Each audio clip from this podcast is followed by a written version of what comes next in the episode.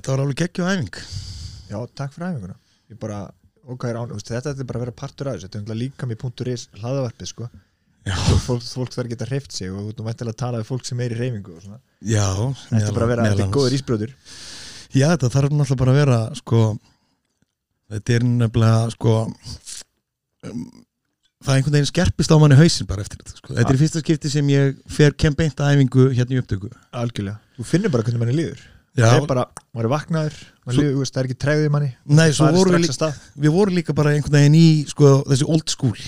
Maður hefur ekki verið í þessum sko, félagskap í svona tíma. Já. og það segja að við vorum bara í þessu bodybuilding gamla stæl sko.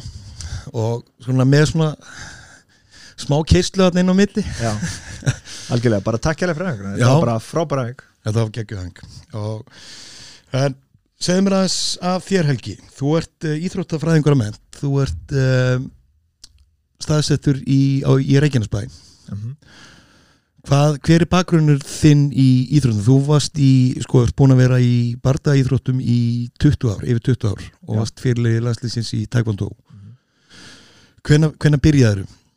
uh, Ég byrjaði árið 2001 Þannig að ég á, á bara 20 ára ammælu þessu ári Ok, í Taekwondo og ég byrjaði svona frekar seint, þú veist, ég hafði ekkert mikið náhá íþjóttum þegar ég var krakki.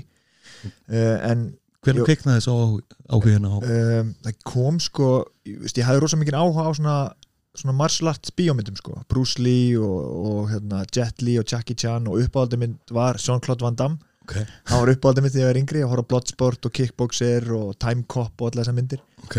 Og hérna, en ég hafði rosa mikið áhuga á því en einhvern veginn En varst það eitthvað að gera?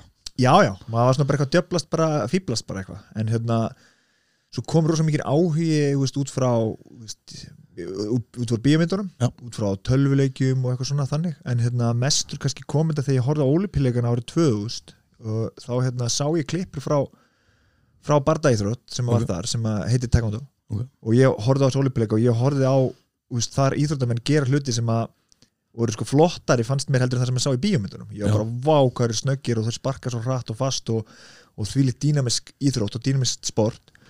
Og hérna hafi geggjan á sem að þetta ógsta cool en ég var bara, ó ég vildi að vera þetta að æfa þetta. Veist, ég, og einhvern veginn hugsaði en ég bara, æ, ég bara, ég æfa þetta bara sjálfur. Og var bara eitthvað að tegja og gera arbir og hlaupa og einhverju rockjæfingar eitthvað heima, eitthvað sem er kunni ekki neitt, bara úlingur sko, með einhverju svona bóli í hausnum um að, að, þú veist, gera eitthvað martial art eitthvað sko, en svo hérna kom nokkru mánuðu setna, þrem fjórum mánuðu setna, þá sá ég að það var hægt að æfa takkvond og bara í keflæk og þessum tíma þá bjóð ég í sangir sem er bara tíu myndu að kesla frá Já. og hérna, ég var bara, um leiðu heyra það bara, ég ætla að fara Ok. það var bara, var aldrei vafi í veist, þetta er bara meant to be Ok, þetta var bara Hérna- og það var bara þannig og bara frá fyrsta aðeins og það er ekki snúið aftur sko. Nei, þetta var 2001 sko þetta var 2001, þetta er 20 ár síðan Ok, og varst ekkert í, í, í neinum íþróttum slíkum sem krakki eða í fótbolta eða ég fór aðeins í fótbolta en bara hafði ekki gaman að ég var lélugur og, og hérna, bara ekki, hentaði þeir ekki já, var ekki fíla og það var, þú veist, eins og segi, bjóð í sangir það var eini íþróttin sem var að æfa var held ég fótbolta kannski karfa, en Ok. okay. það, veist, það eina sem ég var búin að prófa þessum tíma var, var fótbolti Ok, Nei, það var ekki fyrir en ég var, þarna var ég 14 ára gamall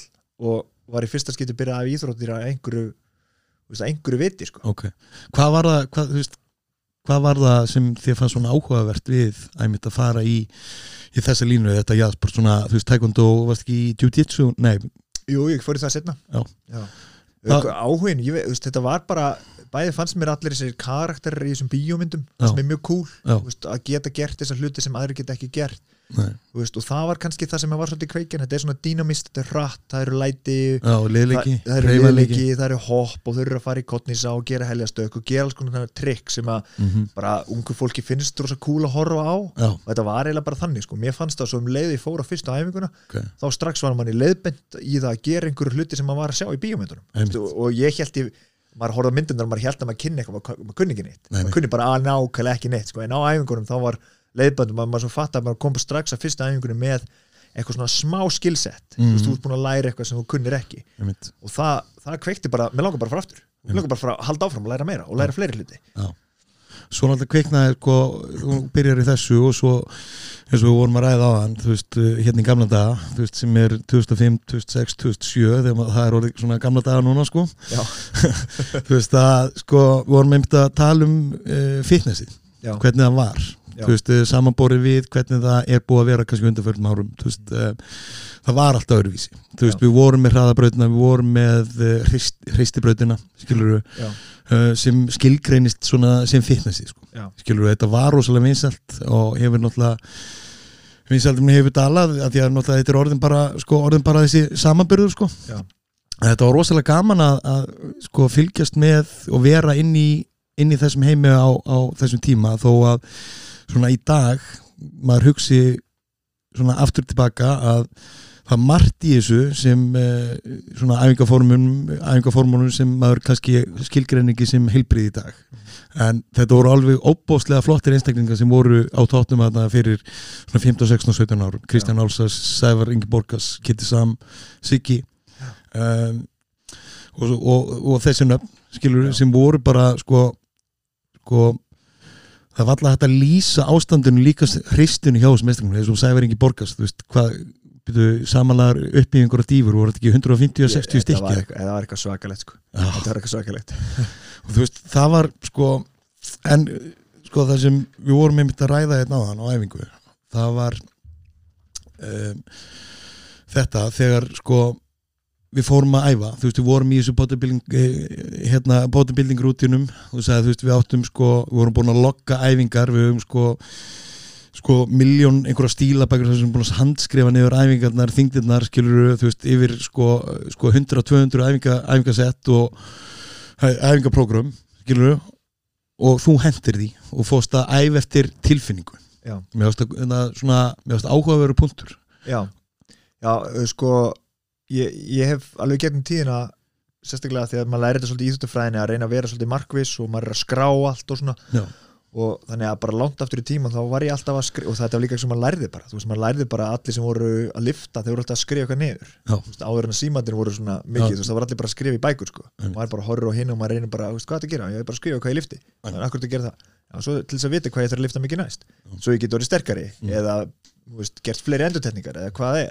ég er þannig að það ég það er er gerði þetta bara í mörg, mörg, mörg ár og ég gerði þetta alveg stundum ennþá en það sem við vorum að ræða þarna var það á okkur tímapunkti það sem að uh, veist, í mörg ár þá fór ég alltaf í, í rektinni en í liftingarsal þá fór ég alltaf þangað til þess að vera betur einhver starf annar staðar inn í, performa betur í lífinu bara. já, eða veist, ekki, ekki einu sinni í lífinu, bara ve- í vellinum sem íþróttamæður, Já, það var alltaf þannig sko. Ég, fór, ég fór aldrei inn í líkasættastöð til þess að líta betur út Nei. sem er kannski það sem mjög margir gera margir gera Já. það sem að læriði svona svolítið í kringum svona það sem er að kenna ynga þjálfum, þú veist svona helst ástæðan fyrir að fólk fer inn í líkasækt er annarkort til að byggja vöða eða brenna einmitt. en ég, ég fór alltaf ég, fór aldrei, ég tengd aldrei við það, ég var aldrei að fara til að brenna fytu og ég var aldrei að fara til að byggja vöða ég var alltaf að fara til að vera sterkari eða hraðari eða með meira úthald eða einhver annar þegar ég fyrir svo keppi í minni íþrótt sem Já. er allt önnur íþrótt Já. sem er bara barda íþrótt en svo á einhverju tímapunkti sem er svona 1,5-2 ár síðan þá hérna fór ég að minka það að keppa sjálfur og, og bara fór svolítið frá keppninu og var ekkert að keppa neitt. Nei. og þá var svona ok, og hvað? Veist, og það var alltaf það var alltaf það sem kveikt í mig til að gera eitthvað. Var alltaf, ég var alltaf að fara, þú veist, það er mót það er mót eftir þrjá mánuði. Og mér langar ekki að vera einhver sulta þegar það er mót, sko, mér langar að koma að geta að tekið á því, sko. Mm. og hérna, en nú er ekki mót, þú veist, hvað er þá að gera? Og þá fór ég að hugsa svona aftur tilbaka til þess að, líkasektar hérna, bylgju sem var í kringum aldamótin og, og aðeins fyrir og eftir að, þess að tíma sem þú, þú minnist á það sem að fitnessi var svo svakalega vinsælt. Já.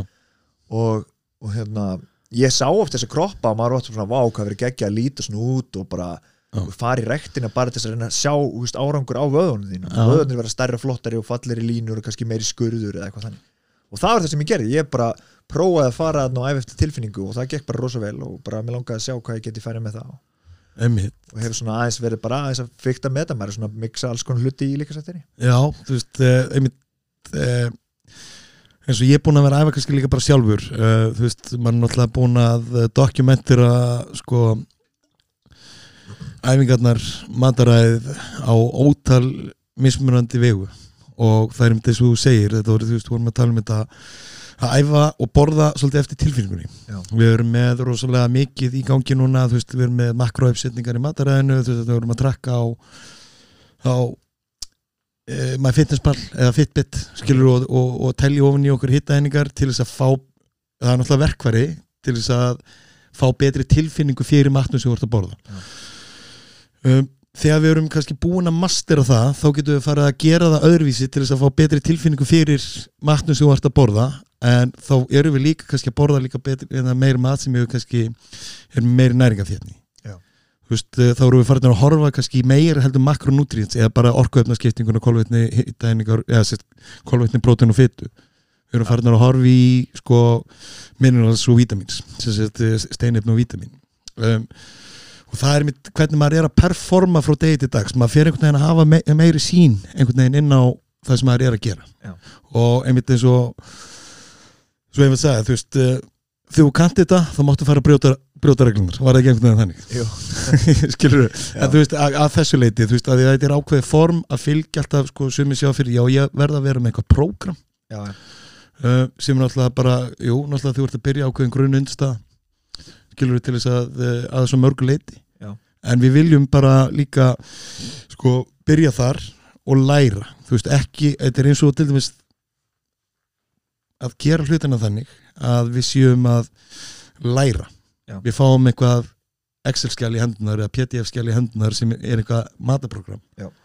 ég er svona ég helst geri það ekki við skjólstæðingarnir í mér heldur vegna þess að við erum ekkert að fara að bú, hérna, borða eftir einhver að fjóru skjali það sem hefur eftir ólifað Já. heldur setja niður punta til þess að kveikja tilfinningunni já, svona er þetta A- algjörlega, ég er bara mjög sammálaður með þetta. Mér, mér finnst þetta eins og þú sagðir, þetta er svona leiðarvísir. Mm og þetta er gott fyrir fólk til að koma sér að stað kannski og, og prófa eitthvað svona ákveðnar leiðir eða einhver ákveðin þemu alveg eins og í, í æfingunum og í öllu. -hmm. en þetta snýst svo mikið líka um bara svona endumat og veist, endumat er að því ég er búin að gera eitthvað þá ætla ég að skoða hvað er ég búin að vera að gera og hvernig get ég aðlaga það sem ég er búin að vera að gera til að geta gert það betra. Okay. og þess vegna held ég að, veist, að þýleitum til held ég að prógram og svona hluti séu alveg af hinnu góða en þú getur ekki endalist verið þar af því að á einhverju tímapunkti þegar þú er búin að endurmeta og aðlega mörgu sinnum þá ertu farin að læra og þú, og þú kant miklu meira. Mm. og þú kant miklu meira þá þarf ekki að taka endurmat og aðlögun eftir sex vikur. Þú getur tekið endurmat og aðlögun eftir sex mínútur. Já. þú veist að það er munurinn. Þú veist, þú getur bara, herru, já, ég er átt að með á hvernig áhrif þetta er að hafa á líkam minn eða hvernig áhrif þessar liftingar er að hafa á vöðana mín eða hvernig mér líður þegar ég er að framkoma þessa hreyfingu við erum konstantli í breytingum alltaf, maður er alltaf í breytingu líka með þinn og hugur þinn er alltaf í breytingu Já. og líka, þú veist, þegar þú mætir inn í, inn í salin, það er alltaf gott performance set að svona hugafar, þú lappar hann inn. Ok, ég hef hérna, eins og núna ég hef hérna, hérna klukkustund. Og ég ætla að gera mitt allra besta á þessar klukkustund Já. til þess að performa sem best svo að það hafi bara, mögulega bara góð áhrif á kannski mína líkastöðu Já. skilur ef ég er að kannski að sitja í, í, í skrifstofinu kannski 7 tíma á dag um, þannig að þú veist hugsaða kannski út frá því frekar heldur en vera alltaf í blindni á að vera að sjá fyrir sér alltaf bara einhverja mynd Já.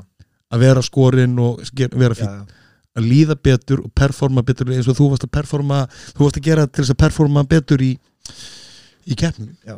og, og það er hægt að heimfæra þetta inn á, á, á hvað sem er til þess að geta performa betur og haft betri orku með börnun og geta leiki við börnun þú veist að geta þú veist sitið á gólfinu með litla barninniðinu Já. og, og hérna þú veist uh, svona vandraða löst skilur Þa, það, ætti, það ætti kannski að vera kannski, það getur verið bitsteit sko, bitakt um, en eins og sko þannig við höldum að þess áfram þú veist eins og hvernig varst að æfa til þess að performa betur varstu bara í þessu svona þessu klassíska bodybuilding uh, klassíska bodybuilding rútinu eða varstu sko, varstu með einhverja flexibility þú veist, varstu bara í, þú veist, venilegu backpressunu og axlapressunu og military pressunu og, og svona einangrandi æfingum já, nei, þegar ég var að æfa mig til þess að vera betri íþróttamæður Já. þá var ég ekki að gera neitt af því eða eiginlega aldrei. Þú veist, það var, eða, það, jú, það voru einhver þessum æfingur sem lístir voru kannski partur af þessu en þetta Já. var þú veist, byggja upp styrk, byggja upp hraða það var, það, þú veist, það var aðalatrið sko, að vera sterkar og hraðari þú veist, það, og svo náttúrulega liðleika æfingarnir voru bara inn á venjulega æfingunum en þegar Mm. maður fór í rektina þegar henni liftingarsalinn, þá varstu bara að fara þar til að verða sterkari Já, hvern- hvern, hvernig, hvernig Uh, settur þetta upp Já, þú veist, það, það voru alls konar þú uppsetningar, byrjum á kannski svona grunnstyrk. Þú það var, ef það var svona hérna, sett upp svona eins og periodization Já. þú veist, svona tímabili skipting og þá byrjum á kannski grunnstyrtaræfingu sem eru kannski deadlift, þú veist, kannski einhverjar uppbyggingar er róður eða backpressar var kannski inn í en það var aukatrið, það var mest aðalatrið var alltaf á neðri líkamann og kórið ok, ok. Og þar og svo Djúpið. frá því komu kannski sprengingarasæðingar þar sem voru þá hoppaæfingar uh, olimpíska liftingar mm. lendingaræfingar, áttaskiptingar og eitthvað þannig. Nú, plyometrics plyometrics, já, það var, veist, það var kannski mest fókusin var það, þú veist, þá þurfti alltaf að vera sprengikrafturinn, þurfti að vera til staðar. Ok, en á, veist, maður gerir það ekkert, allt árið um kring, það var bara kannski 2-3 mánuði þar sem að það er eitthvað svona fókus og svo minkum maður það eins og það er kemur nær keppni og svo Skil. þannig að það, þú veist, það var langmest þar og, og það sem var þá að gerast var að þegar, þegar við erum að æfa þannig að því að svo erum maður líka að sparka og kýla og tegja og hlaupa og gera allt þá þingist maður ekkert þannig, þú veist, ekki við allan sem vorum í þessu sporti, maður er ekkert að vera þingri nei, nei maður verður bara aðeins ekki. sterkari Já. aðeins hraðari Mhm. og svo bara næsta ári þá bara gerir maður aftur þú veist þá ertu með loggin frá því síðast ári þá getur aftur haldið áfram að vinna því að vera aðeins sterkari og aðeins hraðari Mm. og það var alltaf fókusin, alltaf aðeins sterkari aðeins hraðari Mhm. það var ekki, þú veist, bodybuilding var aldrei þetta var alltaf eitthvað svona, ímyndin var góð Já. en maður var aldrei að fara, þú veist, performance var aldrei, þú veist, ég var aldrei að fara að keppi í vakstarækt eða fitness, ég var aldrei gert það og það var aldrei hugsunin að líta betur út í spegli það var alltaf bara hugsunin að fá medaljötun um hálsin sko. Mm, það var það sem ég var að reyna og þar voru nokkrar, er það ekki? jú, jú, jú, það voru nokkur. Sem, sem Íslandsmeistari og, og þú svo keftur eitthvað erlendur grundu. Varst eitthvað þar? Já, við unnum nokkur elend mót og Ok. þú veist velun á Norröldamótum og svona, ég var nú ekki besti keppandinn en, en hérna en veist, maður gerði þetta maður gerði þetta í langa tíma og hafði mjög gaman að þessu. Ok. Um, Sko, þú ert, uh, þú ert mentaður í íþróttafræðingur um, og þú hefur verið uh, eitthvað að kenna og, og, og náttúrulega ert, hefur verið að þjálfa svona uh, einstakling og einstakling þó aðalega, aðalega íþróttumenn Já. um, svona munurinn á uppsetningunni á þér gagvart uh, svo, uh, þessum, þessum hefbundna einstakling sem mætir í gemið til þess að missa x kíló og líta betur út samborið við um, íþróttumenn Já. hver, hver er munurinn? sko, mínir uh, kúnar eða skjólstæðingur ég, ég er að kenna hóptíma líka þar sem það er bara almenningur Já. og ég er búin að gera það í mörg ár Er það ekki súf? Superform, já, Já, í sporthúsinu í, Reykjanesbæ og hérna, ég hef verið að kenna það í mörg ár með Sævari Borgars hann er hérna, höfundur af því kerfi á samt mörgur meður þjálfunum og þetta eru mörg hundur mann sem er að æfa þarna mm.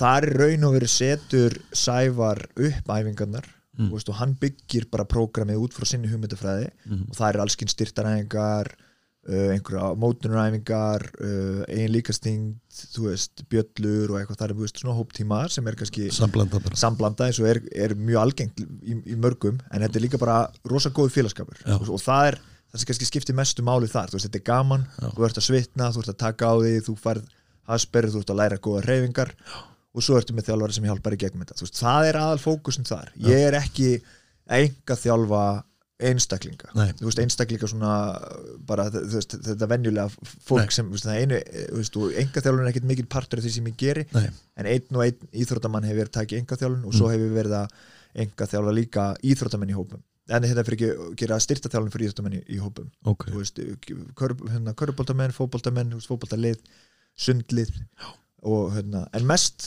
mest er að þjálfa bardæðið það er bara að fara inn í, inn í taekwondo-salin eða jiu-jitsu-salin eða kickbox eða MMA eða hvað það kann að vera og þjálfa bardæðið Það er þinn heimavöldur og þar líður eiginlega best eða ekki? Jú, er líðið mér best. Það er, það er veist, langmestur minn tími í þjálfun og æfingum hefur farið fram í, í þannig vettfangi já, já.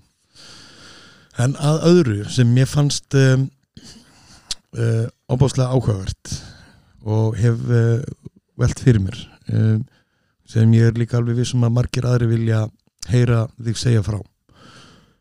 Þú og konaðin þegar ég þrjú bötun ekki? Tvö bönn, Tvö bötun, fyrir ekki. Um, Þið eru með þau í heimakjænslu. Þau eru ekki í skóla? Uh, Hvað eru þau búin að vera lengi? uh, dóttir mín er í þriða bekk og sonur minn er í fyrsta bekk og þau hafa allan tíman verið í heimakjænslu Já. Ok, uh, hvar fenguðu hugmyndina af þessu? uh, sko, maður, það er náttúrulega flestir heyrt af heimakenslu í gegnum kannski einhverja bíómyndir eða eitthvað sem tengist einhver í bandaríkjónum maður hefur heyrt, heyrt alls konar þaðan frá. Uh, en ég raun og verið að hugsa aldrei um þetta sem einhvern möguleika eða eitthvað fyrir íslensk börn fyrir en ég kynntist hérna, bandarísku manni sem var íslenska konu. Og þau er þessi börn, ég held ég er þrjú börn. Og þau hérna, búa hluta árin í bandaríkjanum og hluta af árinu á Íslandi. Kannski sex mánuði á hverju stað og, og, og hérna, ég bara svona herri, já, betur, en hvað, hvað með skólan, þú veist, við erum alltaf á, á, á ferðalagi, þeim er bara heimakent sagðan, og þá strax fóru bara þúsundir spurningar stað bara byrju, já, þú veist, þannig að nú, nú, því þetta eru börn sem eru með íslensk nöfn og æfa hjá íslenskum íþróttufélögum og eru í íslensku samfélagi, þannig nú, núna fór ég að, já, þetta eru íslendingar skilur, þetta er ekki, þó að hans er bandarískur þá eru þau íslensk, þau þetta eru íslendingar. Íslenski, hérna, ríkisborgar rétt og þannig, þannig að þá fór ég og spurði hann alveg fullt út í þetta og ég er alltaf spurði spurningar sem allir er að spurja mig Já, veist, núna og einmitt. svona það koma, koma alltaf topp 5 spurningar sem allir spurja þegar kemur að þessu Já. og hann var bara með svo falleg svör við þessu og ég var bara, vá, þetta er bara ótrúlega áhugavert og ég hérna fór að tala við konu mína sem er líka íþróttafræðingur og, Já. og hérna og við fórum bara rosalega mikið að kynna okkur þetta, rannsaka þetta veist, skoða hver er, hvað segja vísindin og rannsóknir um þetta og, og hvað segja reynslan um þetta og, og hérna, kom okkur í sambandi við nokkar íslendingar sem hefur farið í gegnum þetta og svona. Og, og erendis líka, einhver útlendingar sem hefur farið í Er, er fyrirmyndir af þessu hérna heima Já, til nokkrar, já, ok, ekkert mjög margar en það eru til nokkrar. Ok. Þú veist, er Er það aðal út á landi eða? Nei, Er- ja, nei, það er líka hérna, á, á höfubökkarsvæðinu, suðunisunum og, jó, en það er eitthvað út á landi líka. Já, og það er meira um þetta núna heldur en þegar við vorum að þú veist, hugsa um þetta sko. Já þetta, er, þetta er aukast. Já, Ok, það er náttúrulega vissulega aukast líka út af þegar COVID kom, þá náttúrulega var einhverjum skólum loku og þá var einhvern veginn urð þetta bara bjargra þú veist, þú þurfti bara að gera þetta, þú þurfti bara að sinna einhverju heima. Þó svo þú varst með leiðbenninga frá skólanum Ok. þá voru krakkanir heima því að kannski kemur upp, kom upp COVID tilfelli í einhverju skóla þá er bara skólanum lokað. Ok. Sem kom, kom fyrir nokkrum skólum.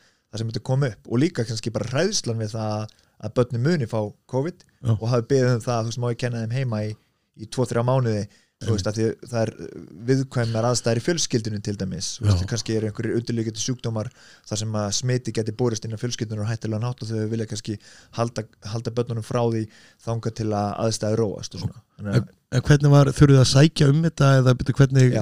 já, var það, hjá menntamáluröðunituna já, ef við sækjum til sveitastjórnarinnar Ok, bara hérna sveitafélagsins og það er svona skóla nefnd alltaf hjá öllum sveitafélagum já, maður sækjur um það þanga og það er bara maður þarf að skilja ákveðin umsókt, sakavottorði uh, ferilskrá, þú þarf að hafa leifisbyrð sem grunnskólakennari og svo framvegis. Já, þú þarft að vera grunnskóla kennari Já, það er þannig núna, það Ok. liggur fyrir frumvarpum að geta sótt um undan þau frá því við sérstakræðastæður Ok, ok.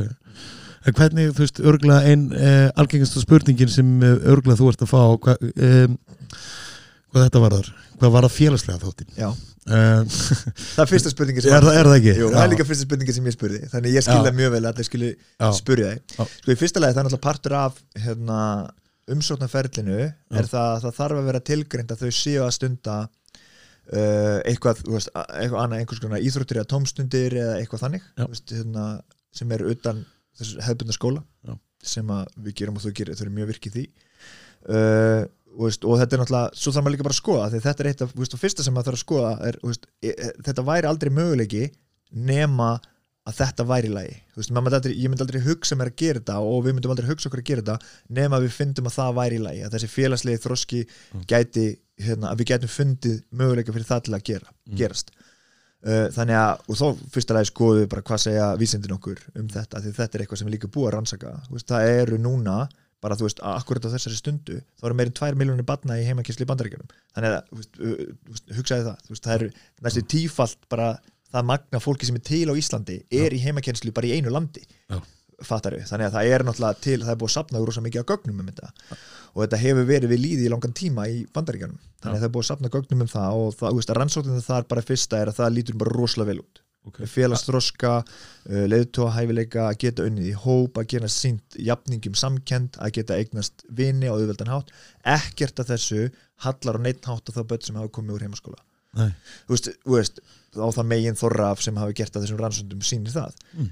og þá náttúrulega ok, þú veist, bara byrjum þar við erum komið eitthvað svona smá útgangspunkt en við þurfum samt, við ætlum ekkert bara að segja já, já, þú veist um, það er ekki sens að þetta geti gerst. Auðvitað getur þetta gerst að félagsþróskin fara að halla á hann ef eitthvað kemur upp á eða við erum ekki að passa okkur. Þannig að þetta er náttúrulega það sem við pössum fyrst og fremst Mm. þegar kemur að þessu.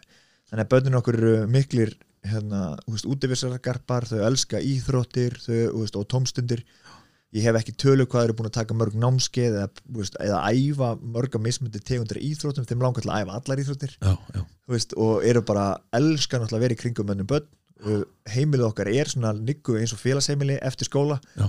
þannig að þú veist, þegar að krakkarnir hverjum eru búin í sínum skóla þá koma þau yfirleitt heim til okkar og það eru bara veist, þegar konan kemur heim úr vinnunni þá oft getur hún ekki lagt bílnum það er svo mörg hjól í innkistlunni. Krakkandi koma þangað veist, koma heim, skilur eða krakkandi mínir fara út til þeirra og það er bara, veist það er bara að vera að djöblast eins og börn gera. Þannig að, eins og staðin núna hef ég mjög lítin mjög litlar áhugir að þessu, af því ég heldur við höfum sett þetta í góðan farfi bara strax frá byrjun. Ok, og hérna og erum bara alltaf vakandi fyrir öllum veist, það eru eiginlega allar helgar en einhverju námskeið. En náttúrulega þegar COVID var mest, þá var ekki mikið en veist, það náttúrulega er, er það farið að minka COVIDið?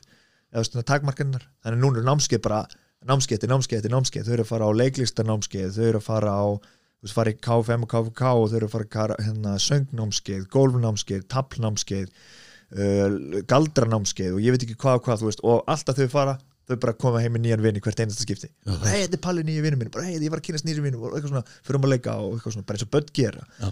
og það er nefnilega máli er að mín skoðun, nú hef ég unnið í skólakerinu mín skoðun er það að skólinn er ekkert svona rosalega mikið að íta þessu að börnunum, því þetta er bara náttúrun okkur að við erum félagsverur.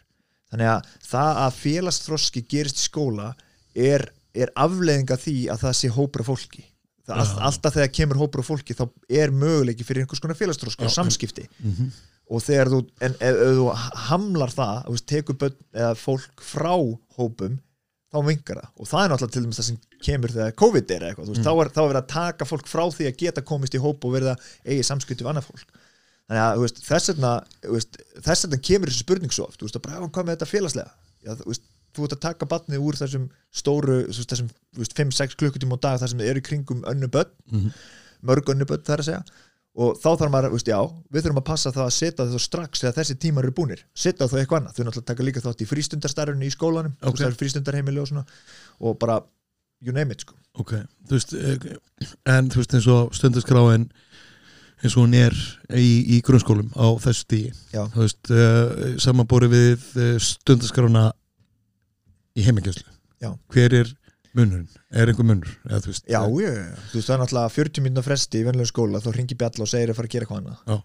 Það er ekki okkur, ok, þú veist, ef þú ert í einhverju flæði, mm, þá ætla ekki að stoppa þig. Nei, nei, nákvæmlega, nákvæmlega. það er það sem gerist er að kannski, segjum að við náttúrulega fáum allt námsefni sem henni krakkarnir fá.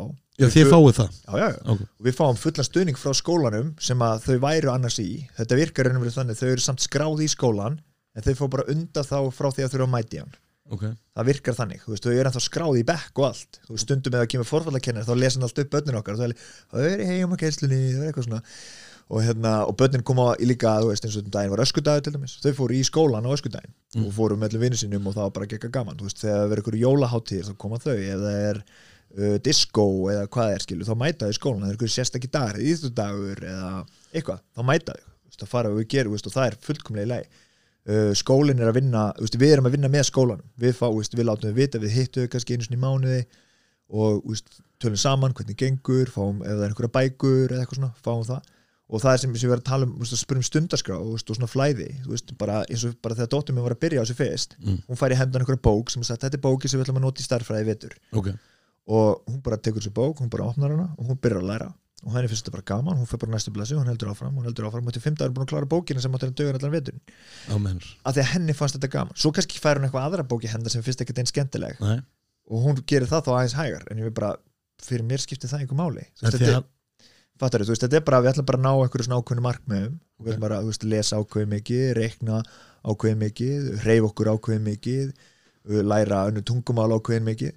en svo, það sem gerist er að þetta verður svo þjappað, svo fáir nefndur þau eru alltaf bara tvö, Já. maður fljótur að fara í gegnum þetta. Og þau eru fljótur að læra þetta þetta er alltaf einstaklismið að því hvað, hvernig þeim finnst best að læra en ekki hvernig mér finnst best að kenna. Eða, ekki, eða hvernig miðjan á bekknum finnst best að læra. Nei. þá fara þau yfirleitt hraðar í gegnum efnið og þá hafum við svo mikið tími til að gera eitthvað allt annað. Og þá búum við til aðra hluti eins og til dæmis eitt sem að ég lærði í einu skóla sem ég var að kenna sem ég kalla snillistund og það er raun og bara, bara veist, þetta getur sett það inn í stundarskrá þú veist, það er í venlega stundarskrá er íslenska og svo er starffræði og svo er sund og, svo er náttúrufræði og svo er eitthvað svona. Og við höfum bara svo mikið tíma, við getum bara búið til nýtt fag og þetta fag köllum við bara snillistund og þá erum við að gefa okkur kannski 20 myndir á dag í það þau bara velja sér eitthvað sem þau vilja vera góð í. Já, og við bara drillum það. Stundum gerum við einn mánuð stundum gerum við í þrjá mánuði stundum, veist, við finnum bara núna bara, við vorum að klára, nú komum við nýr eða, núna var februar að kláraðast, í februar þá ákveð þau, þeim langaði til að búa til dans. Og þau bara byggur til dans. Og þá er 20 minnur á dag þá leiði þeim bara að æfa sig að gera þennan dans. Svona spunni já, en var, þau byggan til hann var, ekki, spu- hann var búinn til en Já. þau réðu hvernig hann var búinn til. Þau völdu tónlistinu, þau gerðu spórin og ég bara var til staðar, ég er náttúrulega engin danskennari en ég var bara til staðar til svona aðeins að hjálpa þeim og, og passaði sig að halda fram að æfa sig. Og svo þegar þetta er búið, þá vilja þið fara að sína fólki dansin sin og þá sína, þú veist mömmu sinni sem var náttúrulega ekki í skólanum þennan daginn og ömmu og einhverjum öðrum og þá fara þau og eru með sjó, þú veist, þau hafa búið til leikrit út fyrir þessu, þau hafa lært að elda einhverja ákveðna máltíð út fyrir þessu gera töfrabrögð uh, læra ljósmyndun Mm. stóttin mín var í öðrum bekk og hún eitti þreim mánuði með að læra ljósmynduna þegar henni fannst það svo ógísla skemmtilegt Já. og læra bara mismyndu og svo endurinn á því var ljósmyndasýning og það að bjóða móðu sinni í, í hérna, myndatöku sem var geggja flott sko, geggja flott, þú veist, í alveg ég, þú horfður á myndnar sem voru tekna þú getur haldið þetta verið tekið að atvinni ljósmyndara ljósmyndara, sko, þetta var svo vel gert. Veist, og hún var sjö ára, eða átt ára á þessum tíma. Og, og þarna kemur inn á þetta sem er svo mikilvægt finnst mér í, í því að læra er það að þegar það er sjálfsbrottin áhugi fyrir að læra eitthvað, þá leggur við miklu meira á því að gera það. Og það er það sem við viljum. Veist, ég, allt sem að allt mitt mannorð eða reputation í því sem ég er sem þjálfari eða kennari eða eitthvað kemur út frá því að ég er að gera eitthvað sem mér þykir rosalega skemmtilegt að gera og þá finnst mér ekkert máli að vera duglegur í því. Og svo þegar kemur einhverju dóti sem ég hef engan áhuga þá er ég ekkert rosalega duglegur í því. Þá er ég bara latur í þú veist, það kemur að bara, oh, veist, það er þetta eitthvað svona sem ég hef engan áhuga að gera, engan vilja til að gera. Mér finnst þetta ómerkilegt. Þannig ég, ég hef rosa Sérðu mikla- ekki tilgang með sér enga tilgang með, þannig ég er rosa mikla samkend með börnum, úlingum veist, sem er í skólakerinu mm -hmm. Og er að læra hluti sem að þeim er alltaf sagt að þeir þurfa að læra. Eins, og dö- eins og dösku eins og dönsku, bara tökum þess bara sem dæmi, þú veist, ég, ég hérna, eina sem ég fjall í grunnskóla var í dönsku. Sami hér. Og hérna ég, ég, og þannig að ég er kannski ekki besti gæinn til að taka viðtali um uh, mikilvægi dönsku. Mér, mér fannst þetta bara ómerkilegt. Og ég læriði meira í dönsku af því að eignast danskan vin bara vinum minn sem er vini sem eru til dæmis í taekwondo landsliðin í Danmörku eða landslistjálfur í Danmörku og mikið mér að ferðast um Skandinavíu í íþróttinu minni. Okay. ég múið að læra miklu meira dönsku bara að því að samskipti við þau heldur en þú veist öll þessi ár í grunnskóla því ég nefndi ekki að gera þetta. Nei. því ég hafði engan áhuga á þessu og mér fannst þetta tilgangslöst þú veist þarna hefði maður kannski þú veist ef það hefði verið sagt um mig þú mátt hérna, í staðan fyrir dönsku ég segði þú geggja á í íþróttum ef ekki setja það bara fleiri íþróttatíma. Bara, já, auðvitað. Auðvitað það er það sem ég er að gera, þú veist, það er það sem að kveikir í mér. Það er það sem mér finnst skemmtilegt, þá hefur maður kannski lappa líka út af skólanum og sagt bara tjóðlega skóli geggja skóli, hann er að reyna að finna hvað mér finnst skemmtilegt og hjálpa mér að efla mig í því. Já. við að finna hæfileikana mína og hjálpa mér að efla mig í því. Sérðu fyrir þér uh, þessi þú ert svona involveraður í þetta og sérðu fyrir þér að einhvern veginn- einhvern veginn náinni framtíð á næsta árum að svona, þessi hluti komið til með að breytast? Mér finnst, þeir, mér finnst þeir vera að breytast en þeir gera það bara svo hægt. Og hvernig þá? Hvað er, hvað er að breytast? Þú veist, fólk er náttúrulega alltaf að vera meira, meira meðvitað um þetta veist, um það, veist, og alls konar hluti nú er alltaf verið að tala, er verið að tala, tala mikið um drengi í veist, að bara að tveir, hérna, eitt þriðju er að koma nánast ólæsir úr skólanum uh, Út af hverju er það? Veist, er það út af þessu bara eins og þú nefndir á þann Er það út af því að er, þeir eru þeir hafa ekki áhuga á því það sem er verið að setja þeim fyrir eða? ég, ég get ekki sagt fyrir það, sko, ég veit það ekki en nú, nú get ég til dæmis sagt þér bara eitt sem ég er að upplega núna því að ég er mjög vel læs og ég las mikið sem krakki. Sonu minn, hann er mjög vel læs og hann les mikið sem krakki. Uh, dótti mín, hún les hægt. Hún les, hún, hún les hægt meðan sonu minn les mjög hægt. Og hérna tvisar á ári þá fara krakkandi mínir í, í skólan og taka svona lestar skimun sem er tengt þessu PISA sem er það sem allir eru að vitni þeir eru að segja hver er kunna að lesa og hver er ekki við erum á undan eða eftir í einhverju meðaltali bla bla bla í lestri og hérna, svo faraði þar og þá bara, herru, sonum minn er í topp 10% -unum, þú veist, bara held ég á landinu eða, veist, með landsmeðaltal skilur Já. á hraða Mm -hmm.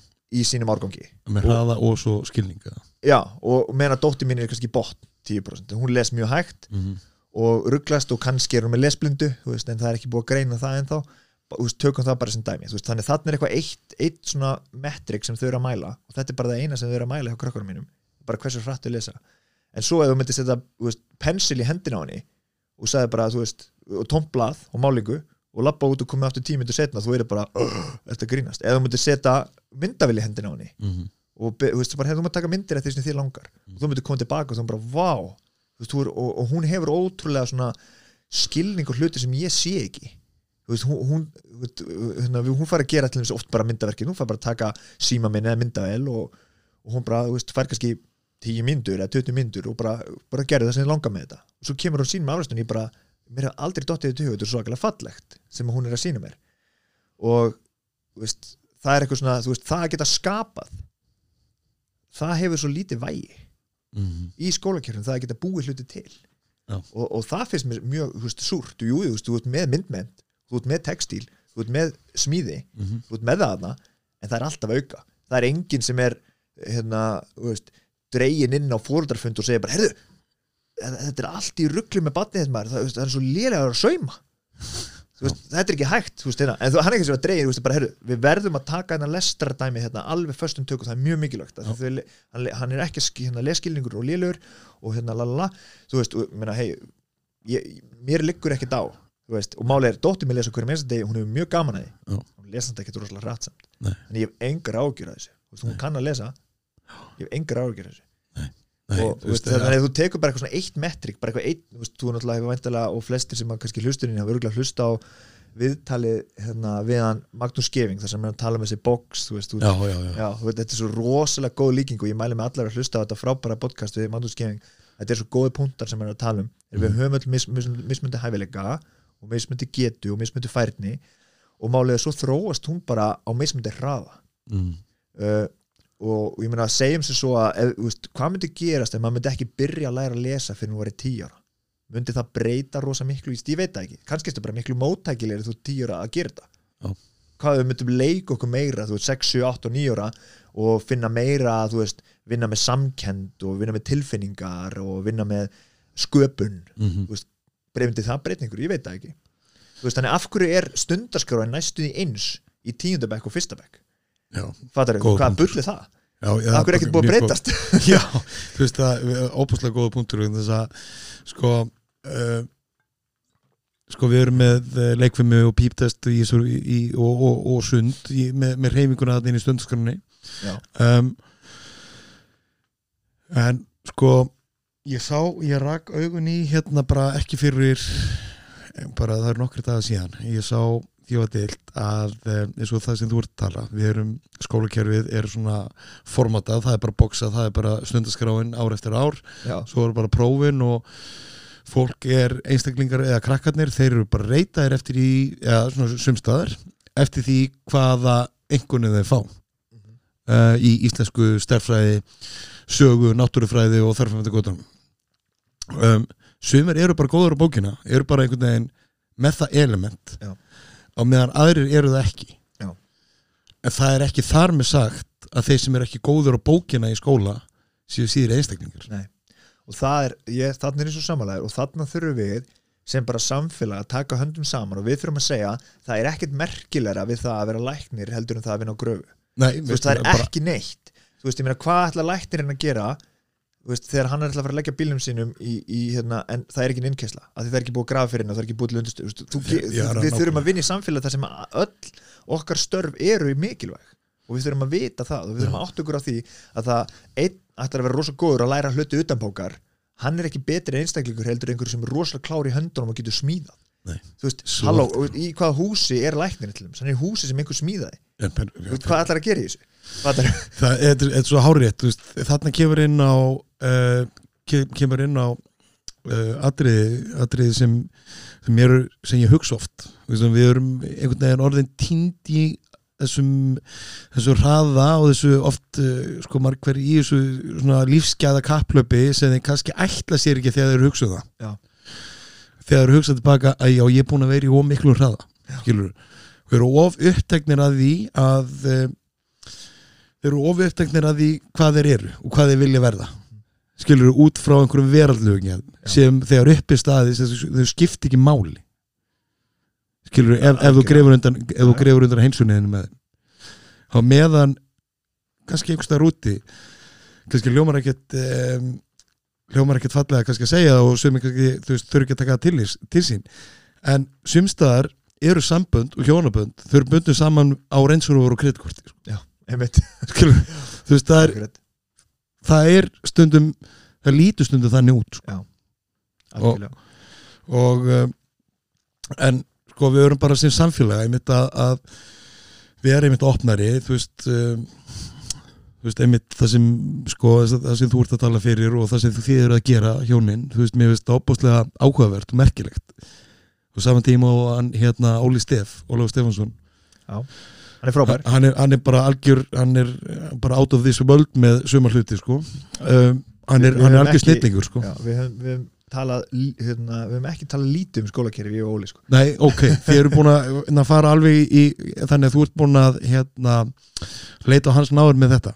Já, veist, ég var að vinna með honum í skóla sko. Þú varst að vinna með honum, í hvaða skóla var það? hann heitir Nú í Hafnarfirði sem er sjálfstæðstarrandi skóli. Ok, sem er bara frábær skólaeining. Ég var að kenna þar og, og eina ástæði fyrir ég er fór það var til þess að geta kent bönnunum mínum í heimakennstu sko. annars var ég þar ennþá því það er, ker, veist, það er eitthvað sem ég stið heilshugar Já. og hérna bara frábært og ég hvet alla til að hérna, kynna sér hvað er í gangi þar. Þannig að ótrúlega flott starf. Það sem ég ætla að segja frá rannsóknin sem ég ætla að byrja að tala um um, Það var að gera rannsóknin held ég árið ég held að, sko, rannsóknin út í Bretlandi árið 2016 um, á einmitt krökkum í skólakjörinu þar. Um, eftir því sagt, uh, hversu mikið krakkar hreyfðu sig Já. á skólatíma. Já.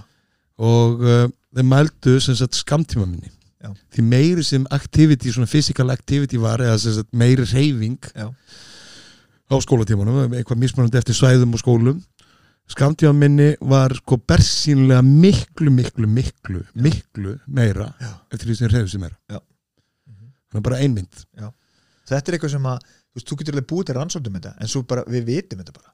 Þú Já, veist, við líður bara miklu betur þú veist, miklu móttækilegir, þú ert búin að reyfa þig. Og veist, við vitum þetta, það, veist, að allir sem er að hlusta á þetta tengja við þetta. En þú, veist, að maður getur alltaf að dreigja upp ykkur pappir og svo er það líka alltaf, þú veist, maður er alltaf að vera, hvað segja vísindin, hvað segja vísindin, þú veist, maður á kannski ekki að reyna að hunsa vísind, alls ekki. Og þetta er eitthvað sem er búið að rannsaka oft, þetta sem við erum að tala um þú veist, bara hvernig hreyfing hefur áhrif á heilan okkar, hvernig hreyfing hefur áhrif á minnið okkar, hvernig hreyfing hefur áhrif á geðið okkar, hvernig hreyfing hefur áhrif á líðan og framistuðu það er bara nánast allt sem að bendi til þess að þetta sé ótrúlega mikilvægt fyrir okkur og þegar maður er ungur, maður er fullur af vakstarhormonum að þau þurfa að vaksa svo rætt, krakkanir uh, þau, þú veist, þau eru með minni þólimæði samt fyrir þau veist, að sitja í marga klukkutíma á dag. Þú veist, þetta er bara fárlegt mm. þetta er bara fárlegt veist, og hvað eru fríminútur, 2015 mínútur á dag eða eitthvað þetta er bara út í hött sko, að þetta sé svona. Þannig að ég er að veisu liti bara mjög, bara mjög sam- sammálaður sko. Og ég er svo, þú veist, ég er svo gladur að geta búið til dæmis sérstaklega sinni mínum veist, hann, hann e, vil hreyfa sig mjög mikið. Ég get bara búið honum upp á hann hann getur bara hreyft sig þegar hann vill. Þa, það er enginn að segja honum að sitja kurfi eitthvað borð, Nei. hann finnur tilfinninguna sér að hann langar að fara að hreyfa sig þá bara ferðu og hreyfir og svo kemur það bara aftur. Veist, það er ekkert bara eins og hann muni hverfa. Veist, ef hann vil fara út og laupa eða við fyrir út í bolta eða við gerum einhverja uppbyggingar eða, eða hoppa og skoppa og djöblast og bara gerum við það. Veit, það er miklu betra að gera það svo kemur hann tilbaka og líður miklu betur við verkið. Alveg svo við fyrir út, kemur tilbaka þá er það betra að læra, eða við tökum einhverja hugleyslu komum tilbaka, þá er það betra að læra. Þú veist, að gera þessar hlutir sem hjálpar okkur að auka framistöðun okkar. Já, þú ert búin að vera með það einmitt svolítið í, ég tekið eftir í hugleyslu og hvað jóka. Jú, bara veist, öllu öllu sem að bara öllu sem virkar, veist, bara lætur það liða þeim betur, þá gerum við það, læra þau betur þá gerum við það uh, finna þau, þú veist, svona eigin frumkvæði til að gera, áslu gera það, mm -hmm. við höfum tíma til að gera það, við erum ekki að gera það á kostnað einhvers annars, sem er svolítið í kannski, ef þú ert, ert kennar þú hefur bara 40 minn til að kenna eitthvað og þú ert að reyna að ná okkur ákveðinu markmiði og það er verið að pressa svolítið á þig. Þú veist, krakkarnir þurfa að vera búin að klára læra þetta og ná að lesa svona mörg orð á mínútu eða klára þessa bók þú ert komið pressa einhvers staðar annars af frá þig sem kennara til að kenna ykkur með öðrum eitthvað og þetta veldur bara streitu bara alla línuna. Þú veist, frá einhverjum mentamálaráðunetinu þú veist, niður í skólakerfið og niður í nefndan, niður í fóreldran þú veist, heim, þú veist, það er allir einhvern veginn stressaði fyrir að klára einhverja bók og svo bara eða, eða lesa. Það er rosa streita, þú veist, þú bara sexual krakki sem hefur aldrei upplegað streita á æfisni, hann er bara, ó, guð mig góður, það er allir bara, að gerðu þetta. Fullur af fólki hraunandi yfir þau ef þessi ekki nú, þú veist, Já. nú duglega eða, þú veist, vilji reyfa sig Já, sko, nú ert þú bundin væntalega yfir börnunum heima Já. um, og örgulega einhverjir hugsa með sér hérna hvernig er það, færð þú einhver borgað eða hvernig lifur þú veist, uh, þetta er bara þú veist, er þetta flexible tími, ég meina þú ert að taka frá hérna 5-6 tíma á dag til Já. að kenna börnunum þín skólinn er bara til svona tvö, Já, kannski einmitt. halv þrjú Já, þá bara ferð að kenna og þá get ég farið að þjóla, en ég fæ ekki borga fyrir að kenna þeim Nei. Þetta er bara, þú veist, eh, enda þetta er bara svona filosófið hjá þér einmitt að, veist, þetta er líka bara hlutur sem gefur meira heldur en, þú veist eh, heldur en það að vera einhver staðar í einhverju plattformi, í einhverju vinnu sem þið leiðist. Já.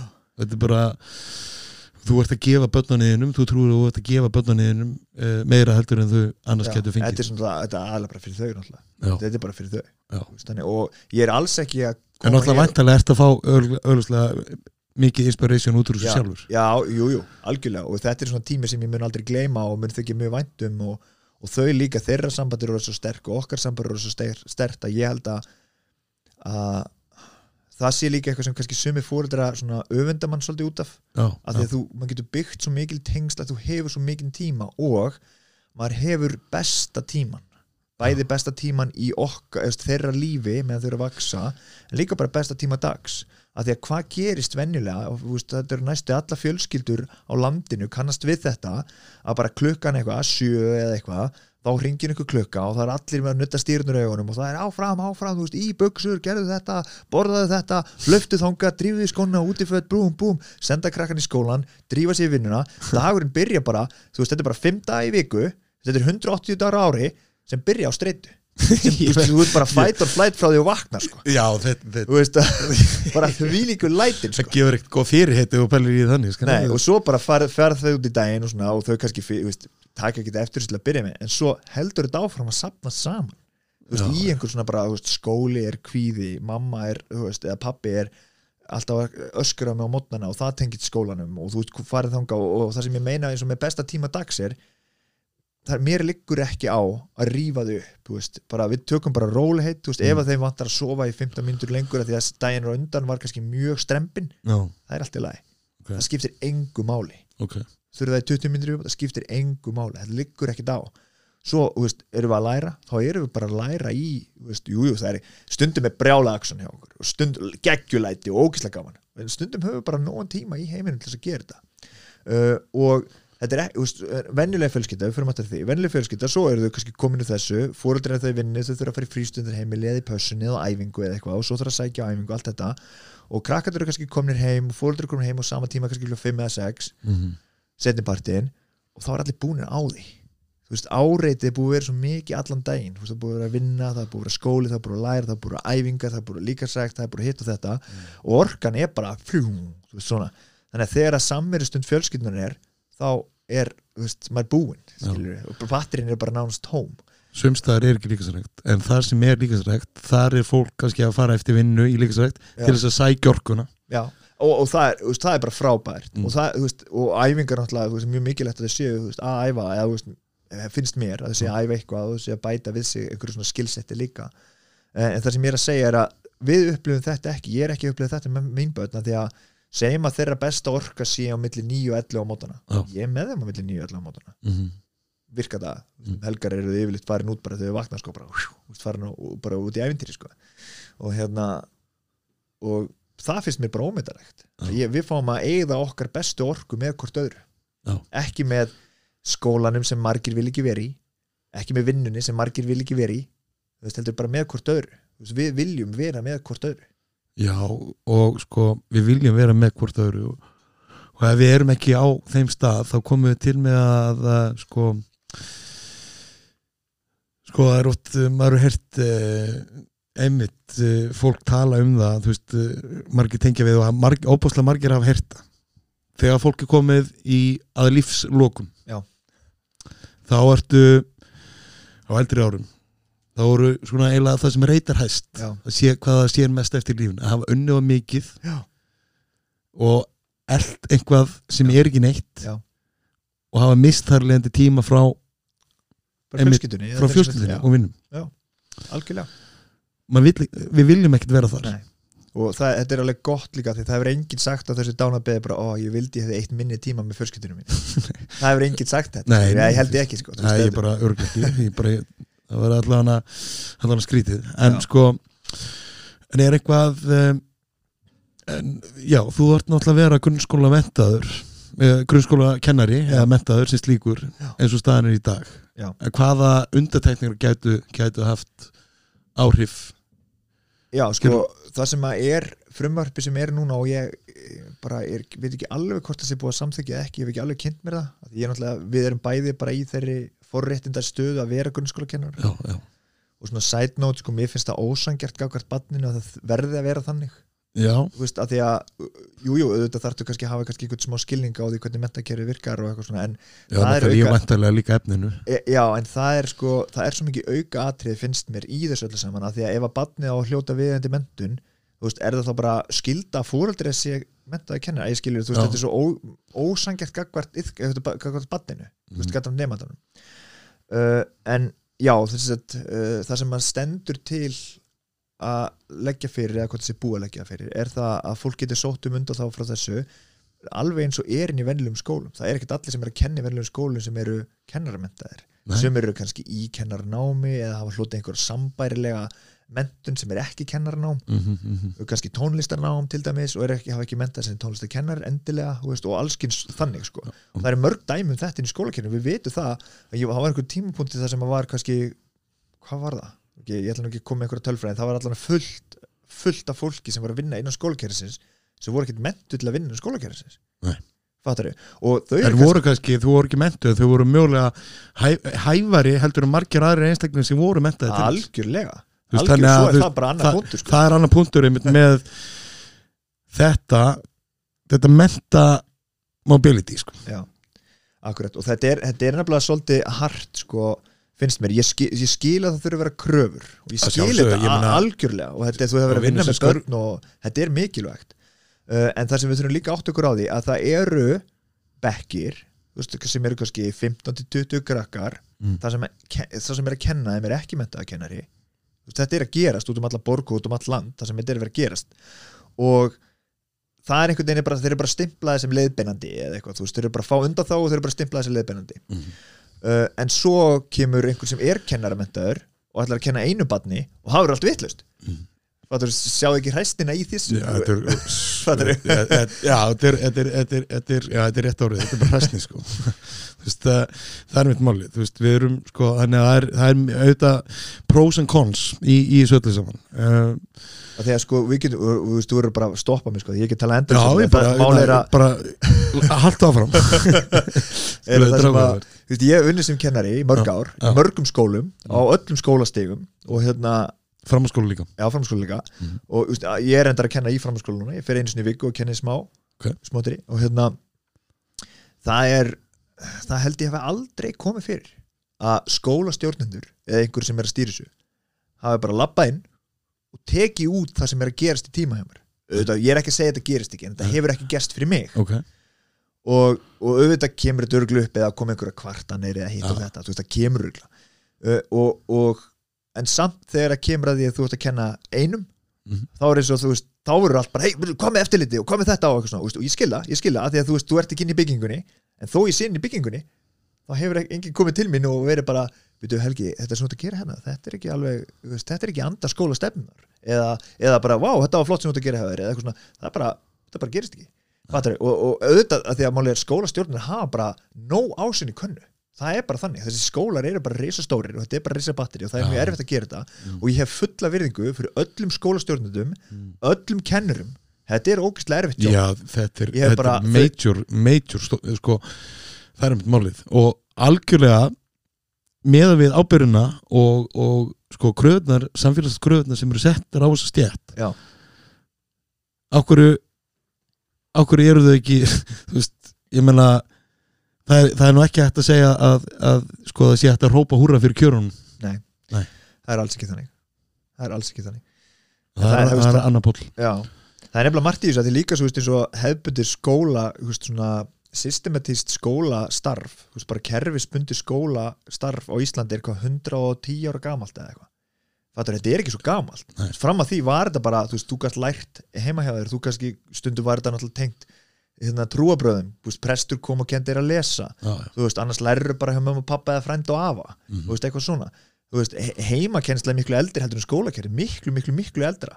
Og svo þegar við fyrir að tala um sko eins og það hvað lestur skiptir miklu máli ég meina uh, hvað er að segja 150-200 ár síðan, ef þú varst alltaf að lesa þá varstu bara hálfviti, skilur, Já. þá var bara, "Ey, hvað ertu latur akkur svona latur, akkur þú alltaf að lesa hérna, þú veist, þau áttu bara að vera að vinna? Þú áttu bara að vera duglegur og þú áttu að vera að sjá um dýrin eða þú áttu að vera að veiða og þú áttu að vera að sjá um heimilið þú áttu að vera að gera verkefniðin en núna er eins og að lestur sé alltaf aðalmáli sko. lestur er, Já, sko, þú veist, ég- svo eins og ég horf á, þú veist, eins og, sko, nú tekið sjálf mér sem dæmið, þú veist, í, í grunnskóla þá var ég nú ekki uh, svona bestin sko, bestin ásmaðurinn og, og, og mér á, á tíðanbili leið mér bara ekki vel í, í, í, þessu, í, þessu, þessu, þessu, kerfi. Um, en sko og einmitt, þú veist, lærði lestur og ég, þú veist, á þeim tíma sem einmitt einstaklingur, þetta höfða ekki til mín þá. Ég sá ekki tilgangi við Já. þetta sem óharnað bann um, eitt af mesta sem ég geri í dag og eitt uh, bara aðar, sko, áhuga mál hjá mér er að safna af með bókum Já. og lesa eins mikið og ég kemst yfir akkurat. Og það er bara æfingaform. Þú veist, eins og þú sagðir áðan um, það henda mér núna þegar ég er orðan fertur já, skilur og, og, og, og undanförnum missurum það hendaði mér ekki þá. Já. ok, þú veist, þú er búið að þú veist, eh, sko ég hef haft óbáslega gaman að því að lesa svona bara það sem mér finnst eiga við hverju sinni skilur, ég kem ekki með engunir vel út úr skóla á sínum tíma Já. en ég les óbáslega mikið mér til gags og gamans aðlag til gags Já. í dag Já. það er eins og það sem hún varst að segja þetta á á hvaða tímapunkti það kemur til með að henda þér og þá er þetta bara neyðan kennir nektur kona að spinna sko. það Já, er náttúrulega já, bara þannig já. ef þú finnir þörfin að læra eitthvað þá bara lærir það Það, er, það er svolítið þannig það en, er en, það, en þarna sko þarna lærði ég sko þarna var grunnurinn. Já. ég lærði náttúrulega að lesa, ég lærði náttúrulega að skrifa í skóla. Já. náttúrulega grunnforsenda þess að ég get lesið í dag. Já. þetta, þetta er nefnilega mjög áhugaður pól, tala um lestur er að það er náttúrulega alls konar rannsóknir á báða bóga þú veist, Mm. gott að byrja snemma og sumi segja nei, gott að byrja setna sumi segja, ok, gott að byrja þegar þau sjálf hafa áhuga fyrir því og finna svona það, þetta félagslega félag, veist, samfélagi mun kenna þér að lesa. Þú veist, Já. þegar þau finna það. Að þú finnur að það er ekki gaman að vera sá sem kann ekki að lesa skiltin í kringu þig.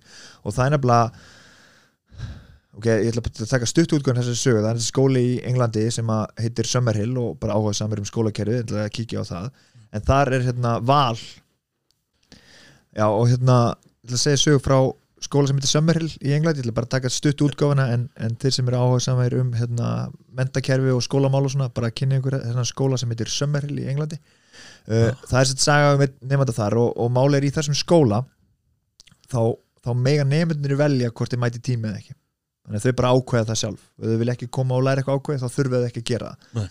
Og það er hérna maður sem að læriði margt og mikið í þessum skóla alls konar hluti sem hann hafði áhuga og varð mjög fær í mörgum hlutum en hann enga áhuga að læra að lesa þannig að hann útskjöfast í raun og úr þessum skóla algjörlega ólæs, kunni ekkert að lesa neitt, neitt. og hérna svo er hann bara fullorinn maður og hann er að ferðast hérna, um heiminn og átta sig á því hvað er skammarlegt þegar að það koma hérna, túristar og spurja hann á flugvellinum og þau þurfa að leita einhverju og þau skilji ekki stafina því þau voru frá einhverju Asjúlandi og skildi ekki hvað stóð á skiltinu og þau voru að leita information eða check-in eða eitthvað. Og þau voru að spurja hann bara hva, og þá skammaði svo mikið að hann gati ekki lesa hvað stóð á skiltinu. Og þetta er fullorinn maður ég menn ekki kannski 30 á þessum tímpúndi eða eitthvað. Og en mánuðið setna þá kunni hann að lesa. Af því að hann, veist, hann bara, ég ætla bara að læra að lesa. Þetta meikar ekki sens fyrir mig, ég kunni ekki að lesa og hann bara skammaði sín. Ok, Þú veist, þó sem hann verið mjög færi mörgu öðru. Veist, þannig að við tölum um það að, full þroska heili er svo fljótur að læra eitthvað. Nú heyrði ég þetta ég, veist, þannig að ég byrð fólk hérna, mér klárir mönnu að ég er ekki búin að skoða þessa rannsókn, ég heyrði af manni sem að var að gera verkefni hérna, í HÍ, hann kom að tala af þeim og var að tala um sko, tímasetningu á námsefni, þú veist, hve- hvenar á veist, ferlinu er sniðut að koma inn með hann var að, að gaggrina það hversu snemma er kent starffræði, af því að sumir Ok. er mjög erfitt með starffræði já, og, veist, og það sé, hún er orðin of snemma, segir hann, veist, Mm. ekki það að það sé kent plus, plus í fyrsta bekk og mínus í öðrum bekk, veist, ekki það heldur svona þetta verður of flóki of snemma. Af því að hann sagði að það hefur verið tekið einhver einstaklingar sem hafi farið, bara einhver flóttamenn og eitthvað sem hafa aldrei fengið sk- skóla veist, og hérna, svo er, voru, voru fullanir og þeir lærið allt sem þú þurftir að læra á tíu árum í grunnskóla á tveimu vikum af því þau voru fullornir og heilin var orðin svo þroskar þeir bara gátu meðtekir upplýsingarna miklu betur. Ok, og við erum að tala um fólk sem kunni ekki svona telja áður en þau byrjuð og tveimur vikum ég með vinni að það verið tvær vikur þannig ef einhver getur fundið þessa rannsókn og, og hefur áhuga á þessu en eins og ég segi, ég er ekki að segja þetta hafi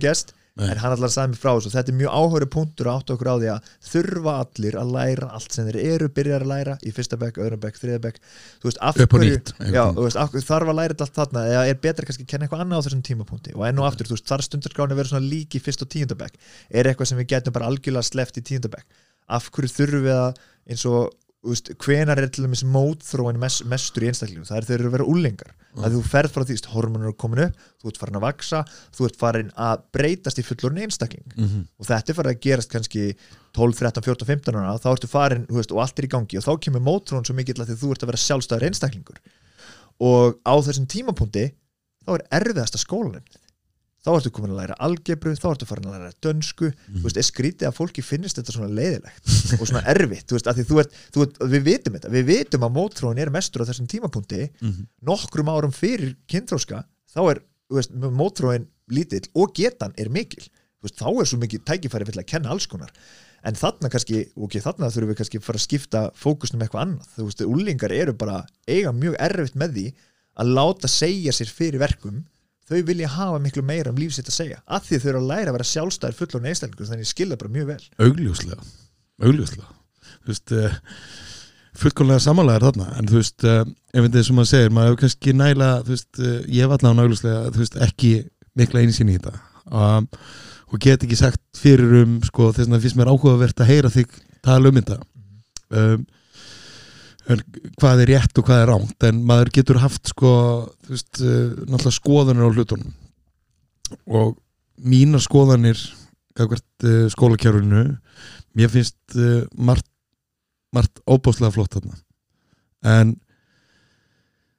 með allir þessari tekni og allir þessari þekkingu þá finnst mér einhvern veginn, ég, meina, ég veit að það er erfitt þú ert með svona óbáslega stóra stofnanir að persónu gera hluti algjörlega. En eins og, eins og þú ert að gera. Það er bara spurning uh, sérðu fyrir þér að það sé í einhverju mynd, sérðu fyrir þér einhverju leið til þess að geta persónu gert hlutinum já, hóparnir þurfa að vera minni. Ok, þetta eru stór hópar, það er bara veist, þetta er bara númer en er það ekki mismunandi eftir skólum eftir stærð skólan að- Jú, jú, jú, en þú veist það, til dæmis, það eru held ég held þessi engi bekkir á Íslandi liggu við sem er með færinn tíu. Nei. það var bara saminað Ó, hversu fá að svona, ég við hugsum, hugsum til dæmis bara hvernig er það í leikskóla. Veist, til dæmis nú er bara, er ekkert langt síðan að svona minn var í leikskóla. Nei. og þá er yfirleitt svona einn leiðbeinandi eða kennari per fimm nefnendur eða þú veist, krakka. Já.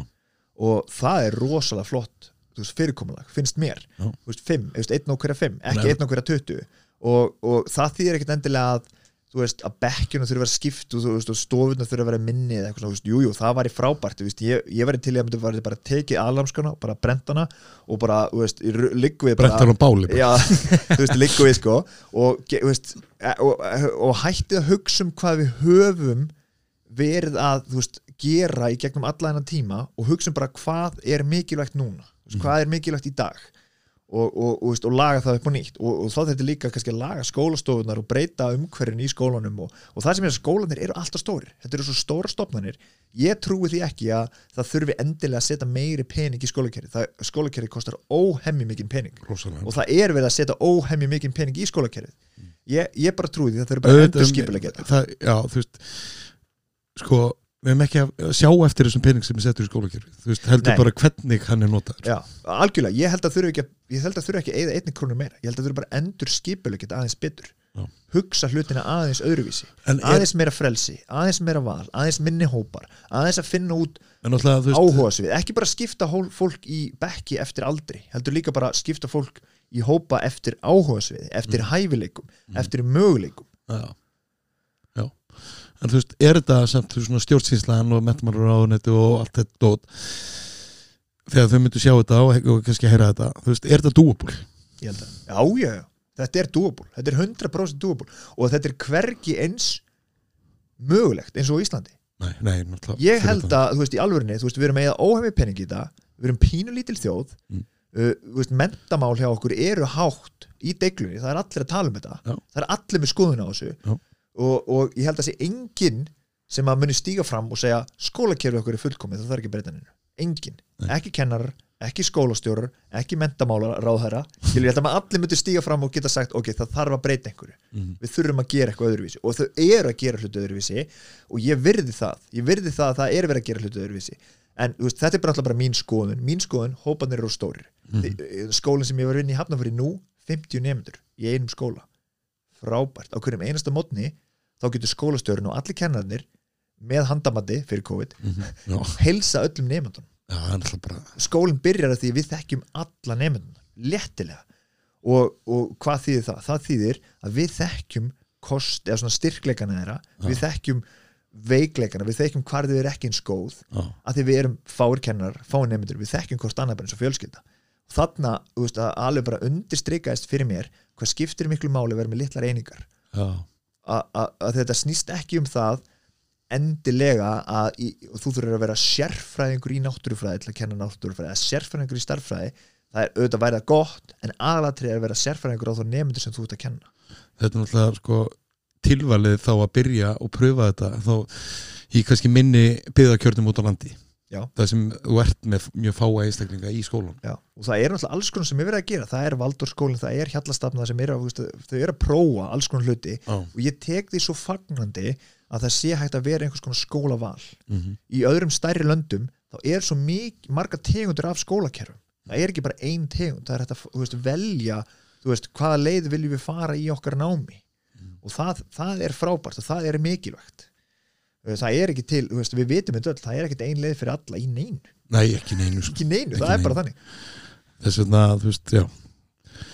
En sérðu svona ein, eitt og lóku sérðu fyrir þér einhvað í náinu framtíði, framtíðinni þau eru svo ungbönnin að þau muni fara í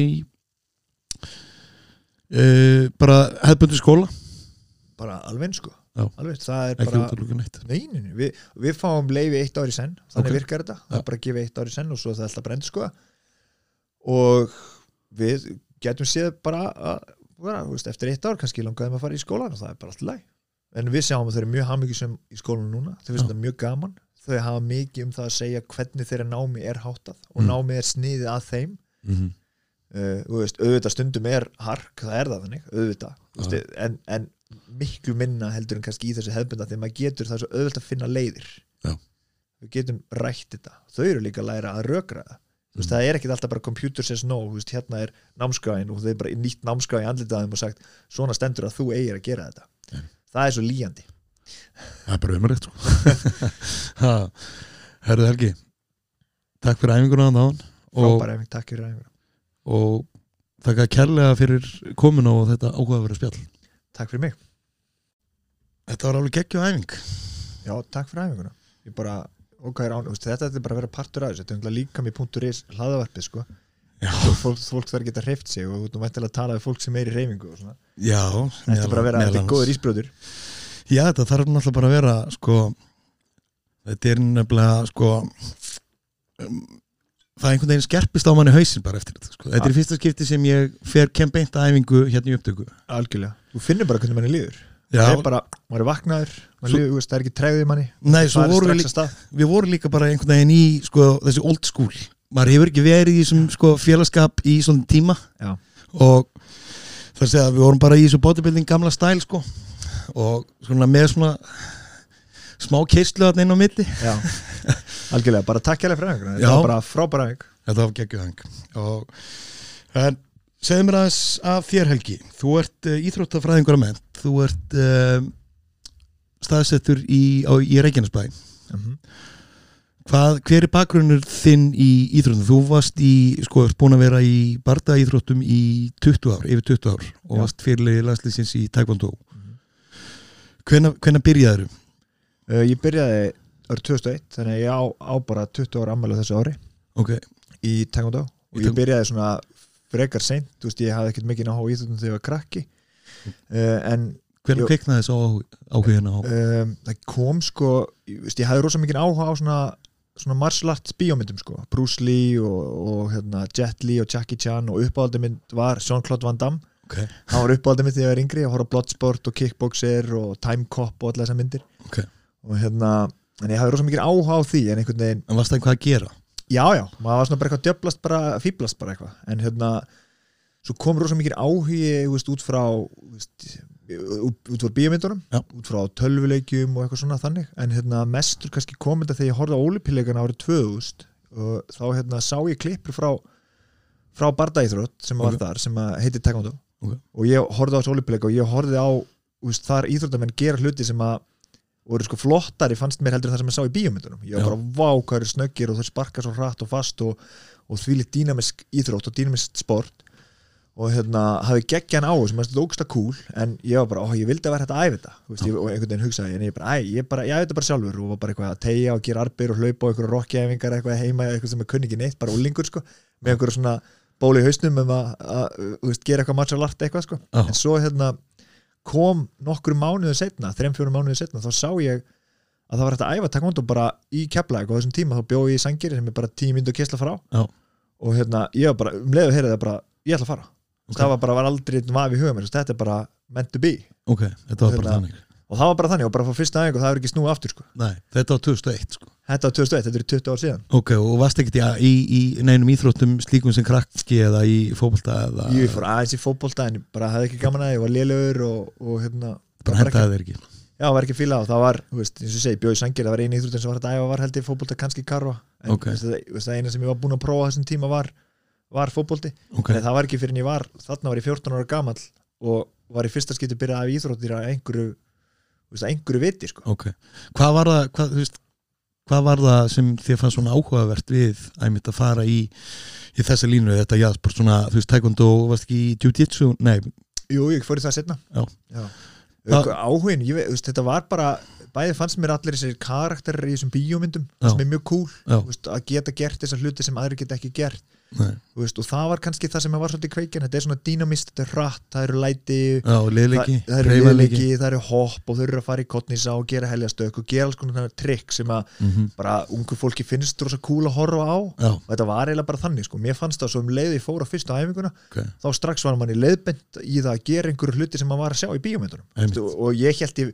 Maður horfði á myndunar og maður held að maður kynni eitthvað maður, kunni ekki neitt, Nei, nei. maður kunni bara að nákvæmlega ekki neitt sko. en á æfingunum þá var leiðbendum maður, maður svo fatt að maður kom strax að fyrsta æfingunum með eitthvað svona smá skillset Mhm. þú veist, þú ert búin að læra eitthvað sem þú kunnir ekki mynd og það, það kveikti bara, mér langar bara frá aftur mér langar bara frá að halda áfram og læra meira og læra fleiri hluti Svo náttúrulega kviknaði, sko, þú byrjar í þessu og svo, eins og við vorum að ræða á hann, veist, uh, hérna í gamla daga, veist, sem er 2005, 2006, 2007, þegar maður- það er orðið svona gamla daga núna, sko. Já. þú veist, að, sko, við vorum einmitt að tala um uh, fitnessið, Já. hvernig það var. Þú veist, uh, samanborið við hvernig það er búið að vera kannski undanförnum árum, þú veist, uh, það var alltaf öðruvísi. Þú veist, Já. við vorum með hraðabrautina, við vorum með uh, hrist, hristibrautina, skilur uh, sem skilgreinist svona sem fitnessi sko. Skilur þetta var rosalega vinsælt og hefur náttúrulega vinsæltum hefur dalað að því að náttúrulega þetta er orðin bara, sko, orðin bara þessi samanbyrður sko. Já. þetta var rosalega gaman að, að sko, fylgjast með og vera inn í, inn í þessum heimi á, á þessum tíma þó að svona í dag maður hugsi svona aftur tilbaka að það margt í þessu sem uh, svona æfingaformunum sem maður kannski skilgreiningi sem heilbrið í dag. En þetta voru alveg óbóðslega flottir einstaklingar sem voru á tóttum að fyrir svona 15, 16 og 17 árum Kristján Álsas, Sævar Ingi Borgas Kitty Sam, Siggi.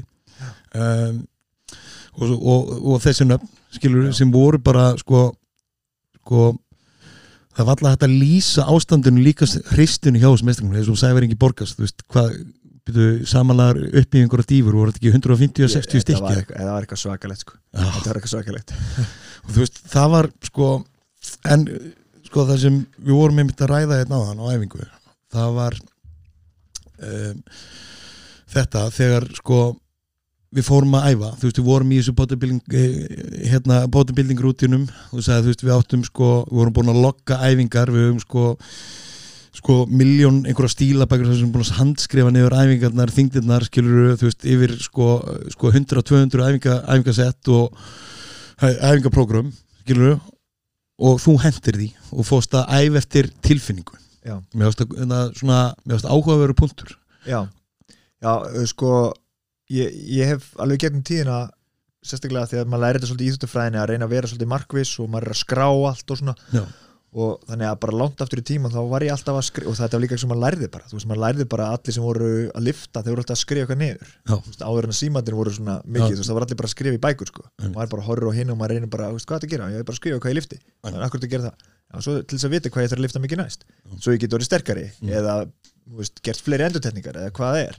ég þannig að ég gerði þetta bara í mörg, mörg, mörg ár og ég gerði alveg stundum ennþá. En það sem við vorum að ræða þarna var það á okkur tímapunkti það sem að uh, veist, í mörg ár þá fór ég alltaf í, í rektinni en í liftingarsal þá fór ég alltaf þangað til þess að vera betri einhver starf annar staðar. Ég fór alltaf inn í, performa betur í lífinu bara. já, eða veist, ekki, ekki einu sinni í lífinu, bara inn á, í vellinum sem íþróttamæður, það var alltaf þannig sko. Ég, fór, ég fór aldrei inn í líkasættastöð til þess að líta betur út Nei. sem er kannski það sem mjög margir gera. Margir gera það sem að læriði svona svolítið í kringum svona það sem er að kenna ynga þjálfum, þú veist svona helst ástæðan fyrir að fólk fer inn í líkasætt er annarkort til að byggja vöða eða brenna einmitt. En ég, ég fór alltaf ég, fór aldrei, ég tengd aldrei við það. Ég var aldrei að fara til að brenna fytu og ég var aldrei að fara til að byggja böða ég var alltaf að fara til að vera sterkari eða hraðari eða með meira úthald eða einhver annar þegar ég fyrir svo keppi í minni íþrótt sem Já. er allt önnur íþrótt Já. sem er bara barda íþrótt en svo á einhverju tímapunkti sem er svona 1,5-2 ár síðan þá hérna fór ég að minka það að keppa sjálfur og, og bara fór svolítið frá keppninu og var ekkert að keppa neitt. Nei. og þá var svona ok, og hvað? Veist, það var alltaf það var alltaf það sem kveikt í mig til að gera eitthvað. Alltaf ég var alltaf að fara, þú veist, það er mót, það er mót eftir þrjá mánuði. Og mér langar ekki að vera einhver sulta þegar það er mót sko, mér langar að koma að geta að tekið á því sko. Mm.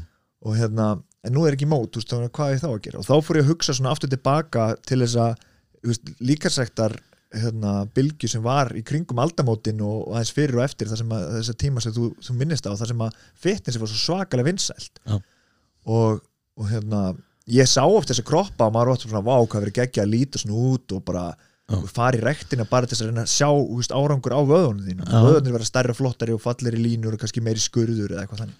Og það var það sem ég gerði, ég bara prófaði að fara þarna og æfa eftir tilfinningu og það gekk bara rosa vel og bara mér langaði að sjá hvað ég geti færið með það Einmitt. Og hefur svona aðeins verið bara aðeins að fykta með það maður er svona að mixa alls konar hluti í líkasættinni Já, þú veist, uh, einmitt uh, eins og ég er búin að vera æfa kannski líka bara sjálfur uh, þú veist, maður er náttúrulega búin að uh, dokumentira sko æfingarnar mataræð á ótal mismunandi vegu. Og það er um þess að þú segir þetta voru, þú veist, vorum að tala um þetta að æfa og borða svolítið eftir tilfinningunni. Já. við erum með rosalega mikið í gangi núna, veist, við erum með makroöfsetningar í mataræðinu, veist, við erum að trakka á á e, maður fitnesspall eða fitbit skilur og, og, og telja ofan í okkur hittaeiningar til þess að fá það er náttúrulega verkvari til þess að fá betri tilfinningu fyrir matnum sem þú ert að borða. Um, þegar við erum kannski búin að mastera það þá getum við farið að gera það öðruvísi til þess að fá betri tilfinningu fyrir matnum sem þú ert að borða en þá erum við líka kannski að borða líka betri, eða meiri mat sem við kannski er Já. Þú veist, eh, þá erum við farin að horfa kannski í meira heldur makronutrients eða bara orkuöfnaskiptingun og kolvetni prótein og fytu við erum farin að horfa í sko minerals og vitamins steinefn og vitamin um, og það er mitt hvernig maður er að performa frá degi til dags, maður fer einhvern veginn að hafa me meiri sín einhvern veginn inn á það sem maður er að gera. Já. og einmitt eins og svo ég vil segja, þú veist uh, þegar þú kannt þetta, þá máttu fara að brjóta, brjóta reglunar, var það ekki einhvern veginn þannig? Skilur þú, en þú veist að, að þessu leiti, þú veist að þetta er ákveðið form að fylgja alltaf, sko, sumi sjá fyrir já, ég verða að vera með eitthvað prógram. Uh, sem er náttúrulega bara jú, náttúrulega þú ert að byrja ákveðin grunn undstað skilur til þess að uh, að þessu mörgu leiti Já. en við viljum bara líka sko, byrja þar og læra, þú veist, ekki þetta er eins og til dæmis að gera hlutina þannig að við séum að læra Já. við fáum eitthvað Excel-skjál í hendunar eða PDF-skjál í hendunar sem er eitthvað mataprogram Já. ég er svona ég helst geri það ekki við skjólstæðingarnir mér heldur vegna þess að við erum ekkert að fara að bú, hérna, borða eftir einhver að fjóru skjali það sem hefur eftir ólífað Já. heldur setja niður punta til þess að kveikja tilfinningunni já, svona er þetta. A- algjörlega. Ég er bara mjög sammálaður með þetta. Mér, mér finnst þetta eins og þú sagðir, þetta er svona leiðarvísir. Mm og þetta er gott fyrir fólk til að koma sér að stað kannski og, og prófa eitthvað svona ákveðnar leiðir eða einhver ákveðin þemu alveg eins og í, í æfingunum og í öllu. -hmm. en þetta snýst svo mikið líka um bara svona endumat og veist, endumat er að því ég er búin að gera eitthvað þá ætla ég að skoða hvað er ég búin að vera að gera og hvernig get ég aðlaga það sem ég er búin að vera að gera til að geta gert það betra. Okay. og þess vegna held ég að, veist, að þýleitum til held ég að prógram og svona hluti séu alveg af hennu góða en þú getur ekki endalist verið þar af því að á einhverju tímapunkti þegar þú er búin að endurmeta og aðlega mörgu sinnum þá ertu farin að læra og þú, þú, þú kant miklu meira. Mm. og þú kant miklu meira þá þarf ekki að taka endurmáta aðlögun eftir sex vikur. Þú getur tekið endurmáta aðlögun eftir sex mínútur. Já. þú veist að því það er munurinn. Þú veist, þú getur bara, herru, já, ég er átt að með á hvernig áhrif þetta er að hafa á líkam minn eða hvernig áhrif þessar liftingar er að hafa á vöðana mín eða hvernig mér líður þegar ég er að framkoma þessa hreyfingu við erum konstantli í breytingum alltaf, maður er alltaf í breytingu líka með þinn og hugur þinn er alltaf í breytingum. Já. og líka, þú veist, þegar þú mætir inn í, inn í salin, það er alltaf gott performance set að svona hugafar, þú lappar hann inn. Ok, ég hef hérna, eins og núna ég hef hérna, hérna klukkustund. Og ég ætla að gera mitt allra besta á þessar klukkustund Já. til þess að performa sem best svo að það hafi bara, mögulega bara góð áhrif á kannski mína líkastöðu Já. skilur ef ég er að kannski að sitja í, í, í skrifstofinu kannski 7 tíma á dag um, þannig að þú veist hugsaða kannski út frá því frekar heldur en vera alltaf í blindni á að vera að sjá fyrir sér alltaf bara einhverja mynd Já. að vera skorinn og vera já, fín að líða betur og performa betur eins og þú varst að performa þú varst að gera til þess að performa betur í í keppnum Já. og, og það er hægt að heimfæra þetta inn á, á, á hvað sem er til þess að geta performa betur og haft betri orku með börnun og geta leiki við börnun þú veist að geta þú veist sitið á gólfinu með litla barninniðinu Já. og, og hérna þú veist uh, svona vandraða löst skilur Þa, það, ætti, það ætti kannski að vera kannski, það getur verið bitsteit sko, Mhm. bitagt um, en eins og sko þannig við höldum að þess áfram þú veist eins og hvernig varst að æfa til þess að performa betur varstu bara í þessu svona þessu klassíska bodybuilding uh, klassíska bodybuilding rútinu eða varstu sko, varstu með einhverja flexibility þú veist, varstu bara í, þú veist, venilegu backpressunu og axlapressunu og military pressunu og, og svona einangrandi æfingum já, nei, þegar ég var að æfa mig til þess að vera betri íþróttamæður Já. þá var ég ekki að gera neitt af því eða eiginlega aldrei veist, það var, eða, veist, það, jú, það voru einhver þessum æfingu sem lístir voru kannski partur af þessu en þetta Já. var byggja upp styrk, byggja upp hraða það var, það, þú það var aðalatrið sko, að vera sterkar og hraðari. Þú veist, það, og svo náttúrulega liðleika æfingarnir voru bara inn á venjulega æfingunum en þegar Mm. maður fór í rektina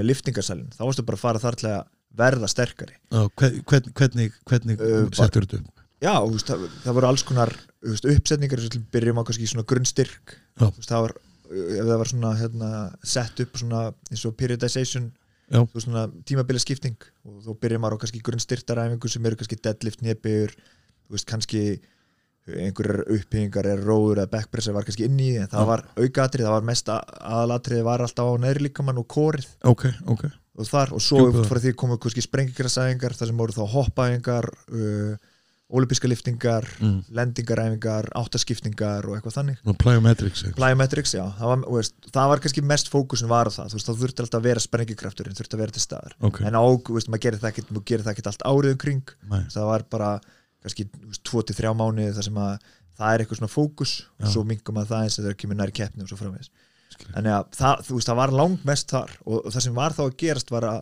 þegar, maður, þegar við erum að æfa þannig að því að svo erum maður líka að sparka og kýla og tegja og hlaupa og gera allt þá þingist maður ekkert þannig, þú veist, ekki við allan sem vorum í þessu sporti maður er ekkert að vera þingri nei, nei, maður verður bara aðeins ekki. sterkari Já. aðeins hraðari Mhm. og svo bara næsta ári þá bara gerir maður aftur þú veist, þá ertu með loggin frá því síðast ári þá getur aftur haldið áfram að vinna því að vera aðeins sterkari og aðeins hraðari Mm. og það var alltaf fókusin, alltaf aðeins sterkari aðeins hraðari Mhm. það var ekki, þú veist, bodybuilding var aldrei þetta var alltaf eitthvað svona, ímyndin var góð Já. en maður var aldrei að fara, þú veist, performance var aldrei, þú veist, ég var aldrei að fara að keppi í vakstarækt eða fitness, ég var aldrei gert það og það var aldrei hugsunin að líta betur út í spegli það var alltaf bara hugsunin að fá medalítun um hálsin sko. Mm, það var það sem ég var að reyna og þær voru nokkrar, er það ekki? jú, jú, já, það voru nokkur sem, sem Íslandsmeistari og, og þú svo keftur eitthvað erlendur grundu. Varst eitthvað þar? já, við unni nokkur elend mót og Ok. þú veist, velun á Norröldamótum og svona, ég var nú ekki besti keppandinn en, Nei, en hérna en, veist, maður gerði þetta. Maður gerði þetta í langa tíma og hafði mjög gaman að þessu. Ok. Um, sko þú ert, uh, þú ert mentaður í íþróttafræðingur um, og þú hefur verið uh, eitthvað að kenna og, og, og náttúrulega ert, hefur verið að þjálfa svona uh, einstakling og einstakling þó aðalega, aðalega íþróttumenn Já. um, svona munurinn á uppsetningunni af þér gagvart uh, svo, uh, þessum, þessum hefbundna einstakling sem mætir í gimmi til þess að missa x kíló og líta betur út samborið við um, íþróttumenn Já. hver, hver er munurinn? sko, mínir uh, kúnar eða skjólstæðingur ég, ég er að kenna hóptíma líka þar sem það er bara almenningur Já. og ég er búin að gera það í mörg ár er það ekki súf, Superform, já, Já, í sporthúsinu já, í, Reykjanesbæ í Reykjanesbæ og hérna, ég hef verið að kenna það í mörg ár með Sævari Borgars hann er hérna, höfundur af því kerfi á svona mörgur meður þjálfunum og þetta eru mörg hundur mann sem er að æfa þarna mm. það er raun og verið setur Sævar upp æfingarnar Mm. mm. veist, og hann byggir bara prógramið út frá sinni hugmyndafræði Mhm. og það er allskinn styrtaræfingar uh, einhverja mótunaræfingar uh, eigin líkasting þú veist, bjöllur og eitthvað það er veist, svona hóptímar sem er kannski samblanda samblanda eins og er, er mjög algengt í, í mörgum en þetta er líka bara rosa góð félagskapur. Og, og það er það sem kannski skiptir mestu máli þar. Þú veist, þetta er gaman, Já. þú ert að svitna þú ert að taka á því, þú færð hasperð þú ert að læra góða reyfingar og svo ertu með þjálfari sem hjálpar í gegnum þetta. Þú veist, það er aðal fókusin þar. Ég er ekki enga þjálfa einstaklinga. Veist, einstaklinga svona bara veist, þetta venjulega fólk Nei. sem, veist, einu, þú veist, og enga þjálfun er ekkit mikil partur af því sem ég geri Nei. en einn og einn íþróttamann hefur verið takið enga þjálfun og svo hefur verið að enga þjálfa líka íþróttamenn í hópum. En þetta fyrir ekki að gera styrta þjálfun fyrir íþróttamenn í, í hópum. Ok, þú veist, kör, hérna, þú veist, fótboltalið, sundlið og hérna, en mest mest er að þjálfa bardæðið það er bara að fara inn í, inn í taekwondo-salin eða jiu-jitsu-salin eða kickbox eða MMA eða hvað það kann að vera og þjálfa bardæðið það er þinn heimavöldur og þar líður eiginlega best eða ekki? Jú, það er liðið minn best. Það er, það er veist, langmestur minn tími í þjálfun og æfingum hefur farið fram í, í þannig vettfangi já, já. en að öðru sem mér fannst um, uh, ábáslega áhugavert og hef uh, velt fyrir mér um, sem ég er líka alveg vissum að margir aðri vilja heyra þig segja frá. Þú og konaðin þegar ég þrjú bötun ekki? Tvö bönn, tvö bötun fyrir ekki. Um, þið eru með þau í heimakjænslu þau eru ekki í skóla? Uh, hvað eru þau búin að vera lengi? Uh, dótti mín er í þriða bekk og minn er í fyrsta bekk og þau hafa allan tíman verið í heimakjænslu Já. ok, uh, hvar fenguðu hugmyndin af þessu? Uh, sko, maður, það er náttúrulega flestir heyrt af heimakenslu í gegnum kannski einhverja bíómyndir eða eitthvað sem tengist einhver í bandaríkjónum maður hefur heyrt, heyrt alls konar þaðan frá. Uh, en ég raun og verið að hugsa aldrei um þetta sem einhvern möguleika eða eitthvað fyrir íslensk börn fyrir en ég kynntist hérna, bandarísku manni sem íslenska konu. Og þau er þess að börn, ég held ég þrjú börn. Og þau hérna, búa hluta árin í bandaríkjunum og hluta af árinu á Íslandi. Kannski sex mánuði á hvernig stað og, og, og hérna, ég bara svona herri, já, betur, hvað, hvað með skólan, þú veist, við erum alltaf á, á, á ferðalagi, þeim er bara heimakent sagðan og þá strax fóru bara þúsundir spurningar stað bara byrju, já, þú veist, þannig að nú, nú, þetta eru börn sem eru með íslensk nöfn og æfa hjá íslenskum íþróttufélögum og eru í íslensku samfélagi. Þannig nú, núna fór ég já, þetta eru íslendingar. Skilur, þetta er ekki, þó að hans er bandarískur þá eru þau íslensk, þau eru íslendingar. Já. íslenski, hérna, ríkisborgar rétt og þannig, þannig að þá fór ég og spurði hann alveg fullt út í þetta og ég er alltaf spurði spurningar sem allir er að spurja mig Já, núna og einmitt. svona það koma, það koma alltaf einhver svona topp 5 spurningar sem allir spurja einhvern veginn þegar kemur að þessu Já.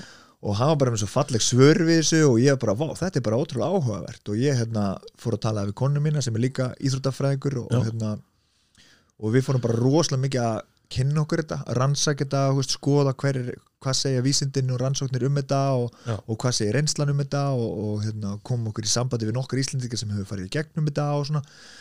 Og, og lærandis líka, þú veist, einhver útlendingar sem hefur farið í er, er fyrirmyndir af þessu hérna heima Já, til nokkrar, já, ok, ekkert mjög margar en það eru til nokkrar. Ok. Þú veist, er er það aðal út á landi eða? Nei, Er- ja, nei, það er líka hérna, á, á höfubökkarsvæðinu, suðunisunum og, jó, en það er eitthvað út á landi líka. Já, og það er meira um þetta núna heldur en þegar við vorum að þú veist, hugsa um þetta sko. Já, já þetta, er, þetta er aukast. Já, ok, það er náttúrulega vissulega aukast líka út af þegar COVID kom, þá náttúrulega var einhverjum skólum logo og þá var einhvern veginn urð þetta bara bjargra þú veist, þú þurfti bara að gera þetta, þú þurfti bara að sinna einhverju heima.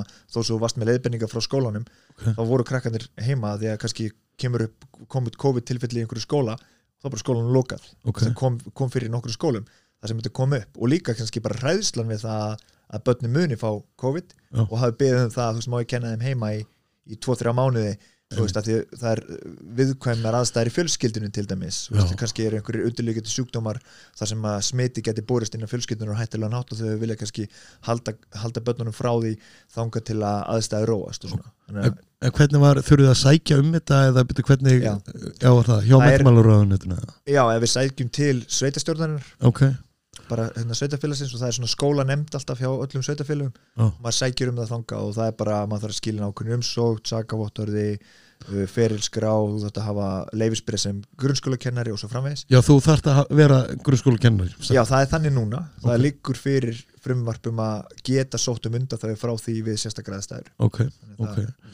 En hvernig, þú veist, örgulega ein eh, algengastu spurningin sem eh, örgulega þú ert að fá hva, eh, hvað þetta var þar hvað var það félagslega þáttin Já, eh, það er fyrsta spurningin sem er, það, er það ekki? Jú, það er líka fyrsta spurningin sem ég spurði þannig ég skilða Já. mjög vel að allir skilji spurja þig. Sko í fyrsta lagi það er náttúrulega partur af hérna, umsóknarferlinu er það að það þarf að vera tilgreind að þau séu að stunda uh, eitthvað, þú veist, eitthvað annað einhvers konar íþróttir eða tómstundir eða eitthvað þannig þú veist, hérna, sem er utan þessu hefðbundna skóla Já. sem við gerum og þau gerir, þau eru mjög virkið því. Uh, veist, og þetta er náttúrulega svo þarf maður líka bara að skoða því þetta er eitt af, veist, og fyrsta sem maður þarf að skoða er, veist, e, e, þetta væri aldrei möguleiki nema að þetta væri í lagi. Þú veist, aldrei, ég myndi aldrei hugsa mér að gera þetta og við myndum aldrei hugsa okkur að gera þetta nema að við fyndum að það væri í lagi að þessi félagslegi þroski gæti hérna, að við gætum fundið möguleika fyrir það til að gera, gerast. Uh, þannig að, og þá fyrsta lagi skoðum við bara hvað segja vísindin okkur um þetta því þetta er eitthvað sem við líka búið að rannsaka. Þú veist, það eru núna bara þú veist, akkurat á þessari stundu þá eru meirinn 2 miljónir barna í heimakessli í bandaríkjunum. Þannig að, þú veist, hugsaði það. Þú veist, það eru næstu tífalt bara það magna fólki sem er til á Íslandi er í heimakenslu bara í einu landi. Já. fattar við, þannig að það er náttúrulega til það er búið að sapna rosa mikið á gögnum um þetta.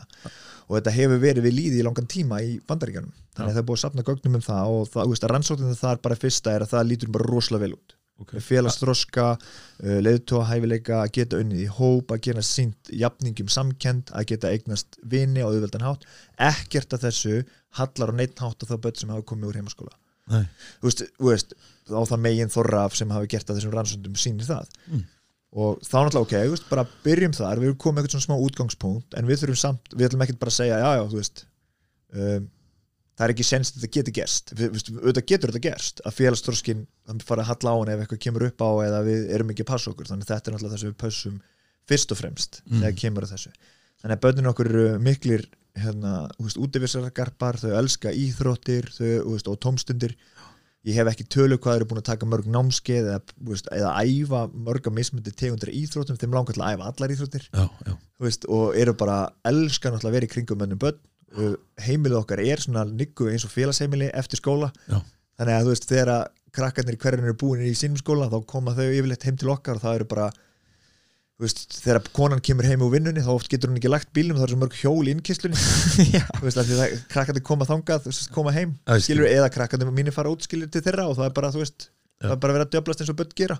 Þannig að eins og staðin núna hef ég mjög lítin mjög litlar áhugir að þessu að því ég heldur við höfum sett þetta í góðan farveg bara strax frá byrjun. Ok og hérna og erum bara alltaf vakandi fyrir öllum veist, það eru eiginlega allar helgar en einhverju námskeið en náttúrulega þegar COVID var mest, þá var ekki mikið en veist, það er náttúrulega er, er það farið að minka COVID-ið eða takmarkannar þannig núna er námskeið bara námskeið til námskeið til námskeið, þau eru að fara á leiklistanámskeið þau eru að fara á þú veist, fara í KFM og KFK og þau eru að fara kara- hérna, söngnámskeið, golfnámskeið, taplnámskeið uh, galdranámskeið og ég veit ekki hvað og hvað og alltaf þau fara þau bara koma heim með nýjan vini hvert einasta skipti. Hei, þetta er Palli nýju minn. Bara hei, ég var að kynast nýju vinnu og eitthvað svona, fyrir um að leika og eitthvað svona, bara eins og börn gera. Já. og það er nefnilega máli er að mín skoðun, nú hef ég unnið í skólakerinu mín skoðun er það að skólinn er ekkert svona rosalega mikið að íta þessu að börnunum þetta er bara náttúrun okkur er það að við erum félagsverur. Þannig að það að félagsþroski gerist í skóla er, er afleiðinga því að það sé hópur af fólki all, alltaf þegar kemur hópur af fólki þá er möguleiki fyrir einhvers konar og samskipti. Mhm. og þegar þú, en ef, ef þú hamlar það, tekur börn fólk frá hópum þá vingar það. Og það er náttúrulega til dæmis það sem kemur þegar COVID er eitthvað, veist, Mm. þá, er, er verið að taka fólk frá því að geta komist í hóp og verið að eigi samskipti við annað fólk. Þannig að veist, þess vegna þess vegna kemur þessi spurning svo oft. Veist, bara, "Já, hvað með þetta félagslega? Já, þú veist, þú ert að taka batnið úr þessum stóru, þessum þú veist, 5-6 klukkutíma á dag þar sem þið eru í kringum önnu börn Mhm. mörg önnu börn þar að segja og þá þarf maður, veist, já, við þurfum að passa það að setja það strax þegar þessi tímar eru búnir setja það eitthvað annað, þau náttúrulega taka líka þátt í frístundarstarfinu í skólanum, Ok. okay. frístundarheimili og svona og bara, you name it sko. ok, þú veist eh, en þú veist eins og stundaskráin eins og hún er í, í grunnskólum á þessu Já. þú veist, uh, samanbúri við uh, stundaskrána í heimingjöslu Já. hver er munurinn, er einhver munur? Eða veist, já, já, þú veist það er náttúrulega 40 mínúna fresti í venlega skóla þá ringi bjall og segir að fara að gera hvað annað. Það er ekki okkur. Ok, þú veist, ef þú ert í einhverju flæði mm, þá ætla ekki að stoppa þig. Nei, nei, nákvæmlega, nákvæmlega. það er það sem gerist er að kannski segjum að við alltaf fáum allt námsefni sem henni krakkarnir fá. Já, þið fáið það. Já, já, já. ok, og við fáum fullan stuðning frá skólanum sem að þau væru annars í. Þetta virkar og verið þannig, þau eru samt skráð í skólan en þau fá bara undan þá frá því að þau eru að mæti hann. Ok, það virkar þannig, þú veist, þau eru ennþá skráð í bekk og allt, þú veist, stundum eða kemur forfallakennar þá lesa hann allt upp börnin okkar. Og það er, heim á keislunni, það er eitthvað svona. Og hérna, og börnin koma í líka þú veist, eins og um daginn var öskudagur til dæmis. Þau fóru í skólan á öskudaginn Mm. og fóru með öllum vinnu sínum og það var bara gekka gaman. Þú veist, þegar það verður ykkur jólaháttíðir þá koma þau. Það er uh, disco eða hvað er skilu, þá mæta þau í skólan. Er ykkur sérstakki dagur, íþjóðdagur eða eitthvað, þá mæta þau. Þú veist, það fara og við gerum, þú veist, og það er fullkomlega í lagi skólinn er að vinna veist, við erum að vinna með skólanum. Við, fá, veist, við látum við vita, við hittum þau kannski einu sinni í mánuði og veist, tölum saman hvernig gengur, fáum ef það er einhverja bækur eða eitthvað svona, fáum það. Og það er sem við erum að tala um, að spyrja um stundarskrá og, svona flæði, bara eins og bara þegar dóttir mér var að byrja á þessu fyrst Mm. hún fær í hendan einhverja bók sem sagt, þetta er bóki sem við ætlum að nota í starffræði í vetur. Ok. Og hún bara tekur þessu bók, hún bara opnar hana og hún byrjar að læra og henni finnst þetta bara gaman, hún fyrir bara næstu og hún heldur áfram, hún heldur áfram. Og til fimm dagur er búin að klára bókina sem átti henni dögur allan vetur af því að henni fannst þetta gaman. Svo kannski fær hún eitthvað aðra bóki hennar sem finnst ekkert einn skemmtileg. Nei. Og hún gerir það þá aðeins hægar en ég vil bara, fyrir mér skipti það einhver máli. Þú veist, þetta, að, fattar þú veist, þetta er bara, við ætlum bara að ná einhverju svona ákveðinu markmiðum. Við ætlum bara, veist, lesa ákveðið mikið reikna ákveðið mikið reyf okkur ákveðið mikið læra önnu tungumál ákveðið mikið en svo, það sem gerist er að þetta verður svo þjappað, þessu fáir nefndur þau eru alltaf bara tvö, Já. maður er fljótur að fara í gegnum þetta. Og þau eru fljótur að læra þetta þetta er alltaf einstaklismið að því hvað, hvernig þeim finnst best að læra en ekki hvernig mér finnst best að kenna eða, ekki, eða hvernig miðjan á bekknum finnst best að læra Nei. þá fara þau yfirleitt hraðar í gegnum efnið og þá hefur við svo mikið tími til að gera eitthvað allt annað. Og þá búum við til aðra hluti eins og til dæmis eitt sem að ég lærði í einu skóla sem ég var að kenna sem er kallað snillistund og það er raun og bara bara, þú veist, þetta getur sett það inn í stundarskrá þú veist, það er í venlega stundarskrá er íslenska og svo er starffræði og svo er sund og svo er náttúrufræði og svo er eitthvað svona. Og við höfum bara svo mikið tíma, við getum bara búið til nýtt fag og þetta fag köllum við bara snillistund og þá erum við að gefa okkur kannski 20 myndir á dag í það þau bara velja sér eitthvað sem þau vilja vera góð í. Já, og við bara drillum það. Stundum gerum við einn mánuð stundum gerum við í þrjá mánuði stundum, við við núna bara, við vorum að klára, nú er komið nýr eða, núna var februar að kláraðast, í februar þá ákveð þau, þeim langaði að búa til dans.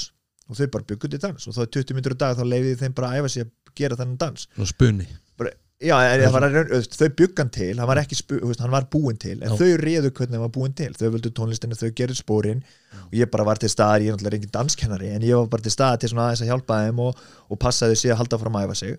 Og svo þegar þetta er búið, þá vilja þau fara að sína fólki dansin sér. Og þá sína, þú veist, mömmu sinni sem var náttúrulega ekki í skólanum þennan daginn og ömmu og einhverjum öðrum og þá fara þau og eru með sjó, þú veist, þau hafa búið leikrit út fyrir þessu, þau hafa lært að elda einhverja ákveðna máltíð út fyrir þessu gera töfrabrögð uh, læra ljósmyndun. Mm. stóttir mín var í öðrum bekk og hún eitti þreim mánuði með að læra ljósmynduna þegar henni fannst það svo ógísla skemmtilegt. Já. og læra bara mismyndu og svo endurinn á því var ljósmyndasýning og það að bjóða móður sinni í, í hérna, myndatöku sem var geggja flott sko, geggja flott, þú veist, í alveg ég þú horfður á myndnar sem voru tekna þú getur haldið þetta verið tekið að atvinni ljósmyndara, ljósmyndara sko, þetta var svo vel gert. Wow. Og hún var 7 ára, eða 8 ára á þessum tíma. Og, og þarna kemur inn á þetta sem er svo mikilvægt finnst mér í, í því að læra er það að þegar það er sjálfsbrottin áhugi fyrir að læra eitthvað, þá leggur miklu meira á því að gera það. Og það er það sem við viljum. Veist, ég, allt sem að allt mitt mannorð eða reputation í því sem ég er sem þjálfari eða kennari eða eitthvað kemur út frá því ég er að gera eitthvað sem mér þykir rosalega skemmtilegt að gera og þá finnst mér ekkert mál að vera duglegur í því. Og svo þegar kemur einhverju dóti sem ég hef engan áhuga þá er ég ekkert rosalega duglegur í þá er ég bara latur í alvörunni. Þú veist, það kemur að bara oh, veist, það er þetta eitthvað svona sem ég hef engan áhuga að gera engan vilja til að gera. Mér finnst þetta ómerkilegt. Þannig ég, ég hef rosa sérðu mikla- ekki tilgang með sér enga tilgang með þannig ég er rosa mikla samkend með börnum, úlingum veist, sem er í skólakerinu mm -hmm. Og er að læra hluti sem að þeim er alltaf sagt að þeir þurfa að læra. Eins, og dö- eins og dösku eins og dönsku. Bara tökum þess bara sem dæmi. Þú veist, ég, ég hérna, eina sem ég fjall í grunnskóla var í dönsku. Saman hér. Og hérna ég, ég, og þannig að ég er kannski ekki besti gæinn til að taka viðtali um uh, mikilvægi dönsku. Mér, mér fannst þetta bara ómerkilegt. Og ég lærði meira í dönsku af því að eigna stanskan vin bara vinum minn sem eða vini, þú veist, sem eru til dæmis í taekwondo landsliðin í Danmörku eða landsliðstjálfur í Danmörku og mikið mér að ferðast um Skandinavíu í íþróttinu minni. Ok, ég múin að læra miklu meira dönsku bara að því að samskipti við þau Mm. heldur en þú veist öll þessi ár í grunnskóla því ég nefndi ekki að gera þetta. Nei. því ég hafði engan áhuga á þessu og mér fannst þetta tilgangslöst veist þarna hefði maður kannski veist ef það hefði verið sagt um mig herrðu þú mátt hérna, ja, í staðan fyrir dönsku ég segi þú geggja hann á í íþróttum. Ef ekki setja það bara fleiri íþróttatíma? Bara, já, auðvitað. Auðvitað það er það sem ég er að gera, veist, það er það sem að kveikir í mér. Það er það sem mér er skemmtilegt, þá hefur maður kannski lappað líka út í skólanum og sagt bara tjóðlega skóli geggja skóli, hann er að reyna að finna hvað mér finnst skemmtilegt og hjálpa mér að efla mig í því. Já. við að finna hæfileikana mína og hjálpa mér að efla mig í því. Sérðu fyrir þér uh, þessi þú ert svona involveraður í þetta og sérðu fyrir þér að einhvern veginn- einhvern veginn náinni framtíð á næsta árum að svona, þessi hluti komið til með að breytast? Mér finnst, þeir, mér Já. finnst þeir vera að breytast Já, en þeir gera það bara svo hægt. Hvernig þá? Hvað er, hvað er að breytast? Þú veist, fólk er náttúrulega alltaf að vera meira, meira meðvitað um þetta. Veist, um það, veist, og alls konar hluti nú er alltaf verið að tala, um- er verið að taka, tala mikið um drengi í veist, að bara að tveir, eða, hérna, eitt þriðju er að koma nánast ólæsir úr skólanum uh, Út af hverju er það? Þú veist, er það út af þessu bara eins og þú nefndir á þann Er það út af því að er, þeir eru þeir hafa ekki áhuga á því það sem er verið að setja þeim fyrir ég, ég get ekki sagt fyrir það, sko, ég veit það ekki en nú, nú get ég til dæmis sagt eitt svona, sem að ég er að upplega núna því að ég er mjög vel læs og ég las mikið sem krakki. Sonu minn, hann er mjög vel læs og hann les mikið sem krakki. Uh, dótti mín, hún les hægt. Hún les, hún, hún les hægt meðan sonu minn les mjög hægt. Og hérna tvisar á ári þá fara krakkandi mínir í, í skólan og taka svona lestar skimun sem er tengt þessu PISA sem er það sem allir eru að vitni þeir eru að segja hver er kunna að lesa og hver er ekki við erum á undan eða eftir í einhverju meðaltali bla bla bla í lestri og hérna svo faraði þar og þá bara herru, sonur minn er í topp 10% þú veist, bara held ég á landinu eða veist, með landsmeðaltal skilur Já. á hraða Mm -hmm. í sínum árgangi Með hraða og svo skilninga já, og meðan að dóttir mín er kannski botn 10% hún les mjög hægt mm -hmm. Og rugglast og kannski er hún með lesblindu veist, en það er ekki búið að greina það þú veist, tökum það bara sem dæmi veist, þannig þannig er eitthvað eitt, eitt svona metrik sem þau eru að mæla og þetta er bara það eina sem þau eru að mæla hjá krakkarum mínum bara hversu hratt þau lesa. En svo ef þú myndir setja pensil í hendina á henni og sagði bara, veist, og tómblað og málingu og labba út og komið aftur tímyndu setna þú eru bara, þetta grínast? Eða þú myndir setja myndavili í hendina á henni Mm og be- þú veist, bara, hey, þú maður taka myndir eftir því sem þið langar? Og þú myndir koma tilbaka og þú bara, vá veist, og, og hún hefur ótrúlega svona skilning og hluti sem ég sé ekki. Veist, hún hún, hérna, hún fær að gera til þess oft bara myndaverkið, hún fær bara að taka síma minn eða myndavel og, og hún bara, fær kannski 10 myndur eða 20 myndur og bara, bara gerði það sem þið langar með þetta. Og svo kemur hún sínum afræstunni, ég bara mér hef aldrei dottið í tugu, þetta er svakalega fallegt sem hún er að sína mér. Og veist, það er eitthvað svona veist, það að geta skapað. Það hefur svo lítið vægi -hmm. í skólakjörnum, það að geta búið hluti til. Og, og það finnst mér mjög veist, súrt, jú, þú veist, þú ert með myndmenn þú ert með textíl, þú ert með smíði Mhm. þú ert með það þarna en það er alltaf auka, það er enginn sem er hérna, þú veist dregin inn á fóröldarfund og segja bara herðu, þetta er allt í rugglu með batnið þess maður, það, það er svo lélega að sauma veist, þetta er ekki hægt veist, hérna. en þú, hann er ekki sem að þú veist, bara, herru, við verðum að taka hérna lestradæmi hérna, alveg föstum tökum, það er mjög mikilvægt. Þau, hann, hann er ekki hérna, leskilningur og lélur og hérna lalala þú veist, og, meina, hey, ég, mér liggur ekkert á og málið er, dóttir mér lesa hverjum einsta degi hún hefur mjög gaman að því. Hún lesa þetta ekkert rosalega rætsamt en ég hef engar ágjur að þessu. Hún kann að lesa. Ég hef engar ágjur að þessu Nei, og þú veist, veist, þannig að þú tekur bara eitthvað svona eitt metrik bara eitthvað eitt, þú veist, þú er náttúrulega hefur væntalega og flestir sem kannski hlustunin hafa örgulega hlusta á viðtalið hérna, við hann Magnús Geving þar sem hann tala um þessi box þú veist, þú, já, já, já, já, þú veit, þetta er svo rosalega góð líking og ég mæli með allar að hlusta á þetta frábæra podcast við Magnús Geving. Þetta er svo góði punktar sem hann er að tala um. Mm. við höfum öll mis, mis, mismundi hæfileika og mismundi getu og mismundi færni og er svo þróast hún bara á mismundi hraða. Mm. uh, og, ég meina að segjum sem svo að ef, veist, hvað myndi gerast ef maður myndi ekki byrja að læra að lesa fyrir nú verið tíu ára? Myndi það breyta rosa miklu í ég veit það ekki, kannski er þetta bara miklu móttækilegri þú ára að gera þetta. Já. hvað við myndum leika okkur meira þú veist 6, 7, 8 og 9 ára og finna meira þú veist, vinna með samkend og vinna með tilfinningar og vinna með sköpun. Mm breyfndi það breytingur, ég veit það ekki. Veist, þannig af hverju er stundarskráin næstuði eins í tíundabæk og fyrstabæk fattar Góð hvað punktur. bull er það? Já, já, Akkur er ekkert búið að breytast? Já, þú veist það, óbúslega góða punktur þess að sko uh, sko við erum með uh, leikfimi og píptest í, í, og, og, og sund í, með, með reyfinguna þarna inn í stundskrunni um, en sko ég sá, ég rak augun í hérna bara ekki fyrir bara það er nokkri dagar síðan. Ég sá því var deilt að um, eins og það sem þú ert að tala við erum, skólakerfið er svona formatað, það er bara boksað, það er bara stundaskráin ár eftir ár. Já, svo er bara prófin og fólk er einstaklingar eða krakkarnir, þeir eru bara reytaðir eftir í, eða svona sumstaðar eftir því hvaða einhvern þeir fá. Uh, í íslensku stærfræði sögu, náttúrufræði og þarfum þetta gotum um, sumir eru bara góður á bókina eru bara einhvern veginn með það element. Já. Og meðan aðrir eru það ekki. Já. en það er ekki þar með sagt að þeir sem eru ekki góður á bókina í skóla séu síður einstaklingar. Nei. Og það er, ég, þannig er eins og samanlegar og þannig þurfum við sem bara samfélag að taka höndum saman og við þurfum að segja það er ekkert merkilegra við það að vera læknir heldur en það að vinna á gröfu. Nei, þú veist, það er ekki neitt. Þú veist, ég meina, hvað ætla læknirinn að gera veist, þegar hann er ætla að fara að leggja bílum sínum í, í hérna, en það er ekki að því það er ekki búið að grafa fyrir henni og það er ekki búið til undirstöð við þurfum að vinna í samfélag þar sem öll okkar störf eru mikilvæg og við þurfum að vita það og við þurfum að átta okkur á því að það einn ætlar að vera rosa góður að læra hluti utanbókar hann er ekki betri einstaklingur heldur einhver sem er rosalega klár í höndunum og getur smíðað. Nei. þú veist, halló, í hvaða húsi er læknir til þeim, hann er húsi sem einhver smíðaði. En, pen, Þú veist, hvað ætlar að gera í þessu Ætlar, það er, þetta er svo hárétt þarna kemur inn á uh, ke- kemur inn á uh, atriði, atriði sem sem, er, sem ég hugsa oft. Veist, við erum einhvern veginn orðin tínd í þessum þessu hraða og þessu oft uh, sko margver í þessu svona lífsgæða kapplöpi sem þeir kannski ætla sér ekki þegar þeir hugsa það. Já. þegar þeir hugsa tilbaka að já, ég er búin að vera í of miklu hraða skilur, við erum of uppteknir að því að þeir eru of uppteknir að því hvað þeir eru og hvað þeir vilja verða? Skilur út frá einhverjum veraldlögum sem þegar uppi staðis þau skipti ekki máli. Skilur ef, ef þú grefur undan ef þú Já. grefur undan heilsunniðinu með þá meðan kannski einhvers staðar úti kannski hljómar ekkert um, hljómar ekkert fallega kannski að segja og sem kannski þú þurfi ekki að taka það til, til sín. En sumstaðar eru sambönd og hjónabönd eru bundið saman á reynsurúfur og kreditkorti sko. þú veist það er, það er stundum það lítur stundum þannig út sko. algjörlega.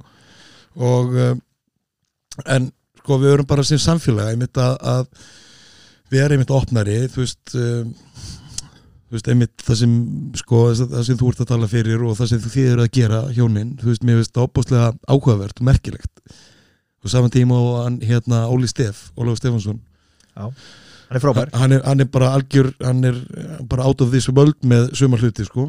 Um, hann er, er algjör snillingur sko. Já, við höfum talað hérna, við höfum ekki talað lítið um skólakerfi og Óli sko. Nei, ok, þið eru búin að, að fara alveg í, þannig að þú ert búin að hérna, leita á hans náður með þetta.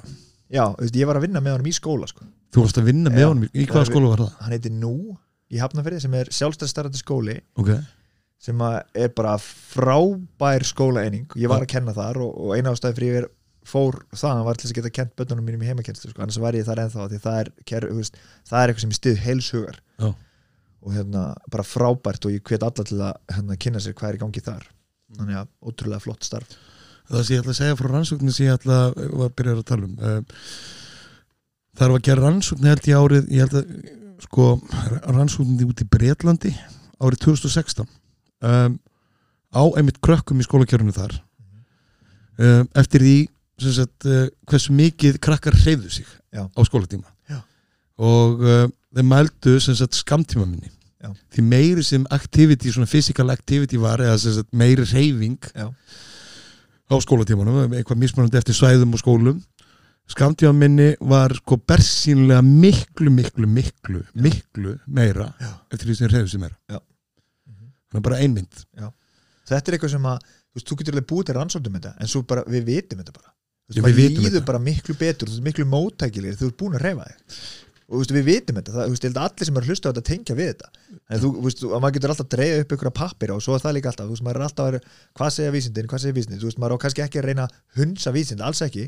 Og þetta er eitthvað sem er búið að rannsaka oft, þetta sem við erum að tala um, þú veist, bara hvernig hreyfing hefur áhrif á heilan okkar, hvernig hreyfing hefur áhrif á minnið okkar, hvernig hreyfing hefur áhrif á geðið okkar, hvernig hreyfing hefur áhrif á líðan og framistuðu það er bara nánast allt sem að bendi til þess að þetta sé ótrúlega mikilvægt fyrir okkur og þegar maður er ungur, maður er fullur af vakstarhormonum að þau þurfa að vaksa svo rætt krakkanir uh, þau, þú veist, þau eru með minni þólimæði samt fyrir þau þú veist, að sitja í marga klukkutíma á dag. Þú veist, þetta er bara fárlegt mm. þetta er bara fárlegt þú veist, og hvað eru fríminútur, 2015 mínútur á dag eða eitthvað þetta er bara út í hött sko, að þetta sé svona. Þannig að ég er að vissu liti bara mjög, bara mjög sam- sammálaður sko. Og ég er svo, þú veist, ég er svo glaður að geta búið til dæmis sérstaklega sinni mínum. Veist, hann, hann e, vil reyfa sig mjög mikið. Ég get bara búið honum upp á hann hann getur bara reyft sig þegar hann vill. Þa, það er enginn að segja honum að sitja kjur við eitthvað borð. Nei. hann finnur tilfinningunni sér að hann langar að fara að reyfa sig. Þá bara ferður og reyfir og svo kemur bara aftur. Þú veist, það er ekkert bara eins og hann muni hverfa. Veist, hann vil fara út og hlaupa eins, eða við fyrir út í bolta eða við gerum einhverja uppbyggingar eða, eða hoppa og skoppa og djöblast þá bara gerum við það, veit, það er miklu betra að gera það svo kemur hann tilbaka og hann líður miklu betur við verkið. Alveg svo við fyrir út, kemur tilbaka þá er það betra að læra, eða við tökum einhverja hugleyslu, komum tilbaka, þá er það betra að læra. Þú veist, að gera þessar hluti sem hjálpar okkur að auka framistöðun okkar. Já, þú ert búin að vera með það einmitt svolítið í, ég tekið eftir í hugleyslu og hvað jóka. Jú, bara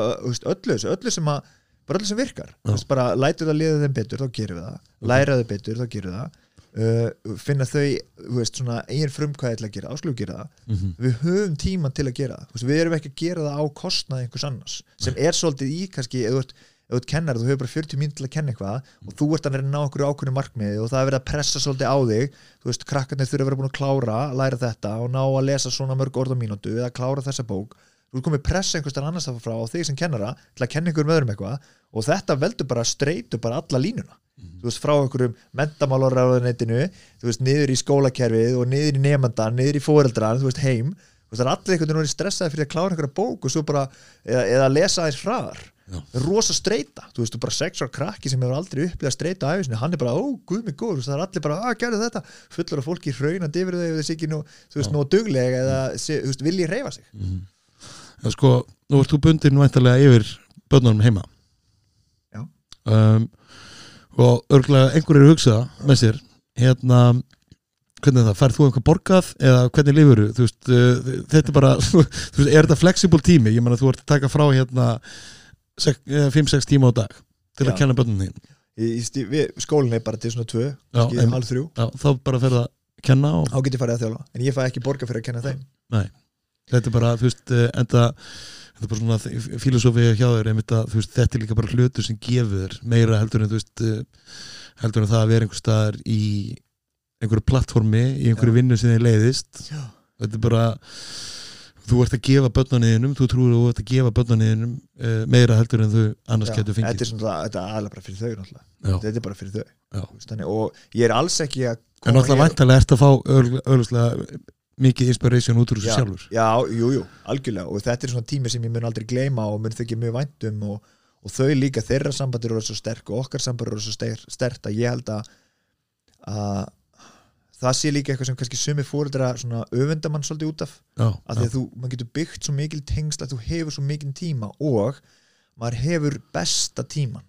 Bæði besta tíman í okkar þeirra lífi meðan þau eru að vaksa en líka bara besta tíma dags að því að hvað gerist venjulega veist, þetta eru næstu alla fjölskyldur á landinu kannast við þetta að bara klukkan eitthvað, sjö eða eitthvað þá ringir einhver klukka og það er allir með að nutta stýrnur augunum og það er áfram, áfram, veist, í buksur, gerðu þetta borðaðu þetta, löftu þanga drífðu í skóna, útiföt, búm, búm senda krakkan í skólan, drífa sér í vinnuna dagurinn byrja bara, þú veist, þetta er bara 5 dagar í viku, þetta er 180 dagar ári sem byrja á streitu sem, þú veist bara fight or flight frá því og vakna sko. já þetta, þú veist, bara því líku lætin það sko. gefur ekkert góð fyrirheiti og pælir í þannig sko. Nei, og svo bara fer, fer þau út í daginn og, svona, og þau kannski taka ekki eftir til að byrja með en svo heldur þetta áfram að sapna saman veist, í einhver svona bara veist, skóli er kvíði, mamma er eða pappi er alltaf að öskra mig á mótnana og það tengið skólanum og þú veist, farið þanga og, og það sem ég meina eins og með besta tíma dags er það er mér liggur ekki á að rífa þau upp, veist, bara við tökum bara róliheit, þú veist, ef Mm. að þeim vantar að sofa í 15 mínútur lengur því að daginn á undan var kannski mjög strempin, já, það er allt í lagi. Ok. það skiptir engu máli. Ok. Þurfa það í 20 mínútur upp, það skiptir engu máli það liggur ekkit á. Svo, veist, erum við að læra, þá erum við bara að læra í, veist, jú, er stundum með brjála aksjón hjá okkur og stundum geggjulæti og ógislega gaman. Stundum höfum við bara nógan tíma í heiminum til þess að gera þetta. Uh, og þetta er ekki, veist, venjulega fjölskylda við fyrir maður því, venjulega fjölskylda, svo eru þau kannski komin úr þessu, er þau í vinnu þau þurfa að fara í frístundir heimili eða í pössunni eða æfingu eða eitthvað og svo þurfa að sækja á æfingu allt þetta. Og krakkarnir eru kannski kominir heim og fóruldrar eru komin heim á sama tíma kannski klukkan 5 eða 6 Mhm. setnipartin og þá er allir búinir á því.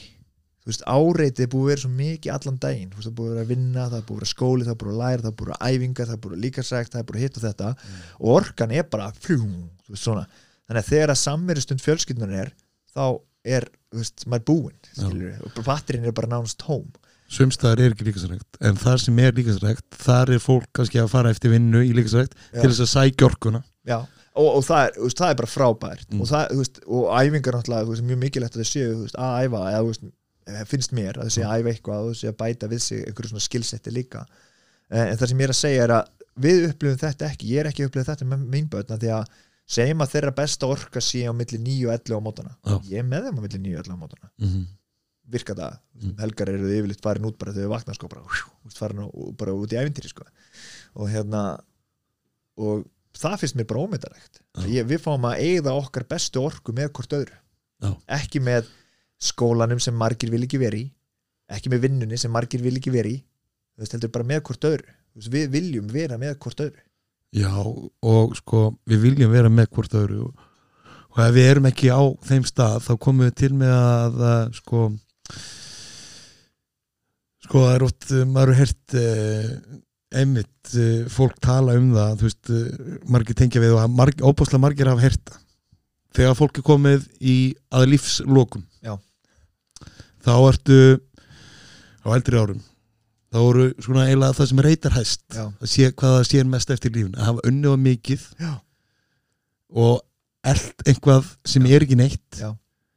og hafa mist þar leðandi tíma frá, fjölskyldunni frá fjölskyldinni Já, og vinnum algjörlega. Vill, við viljum ekkert vera þar. Nei.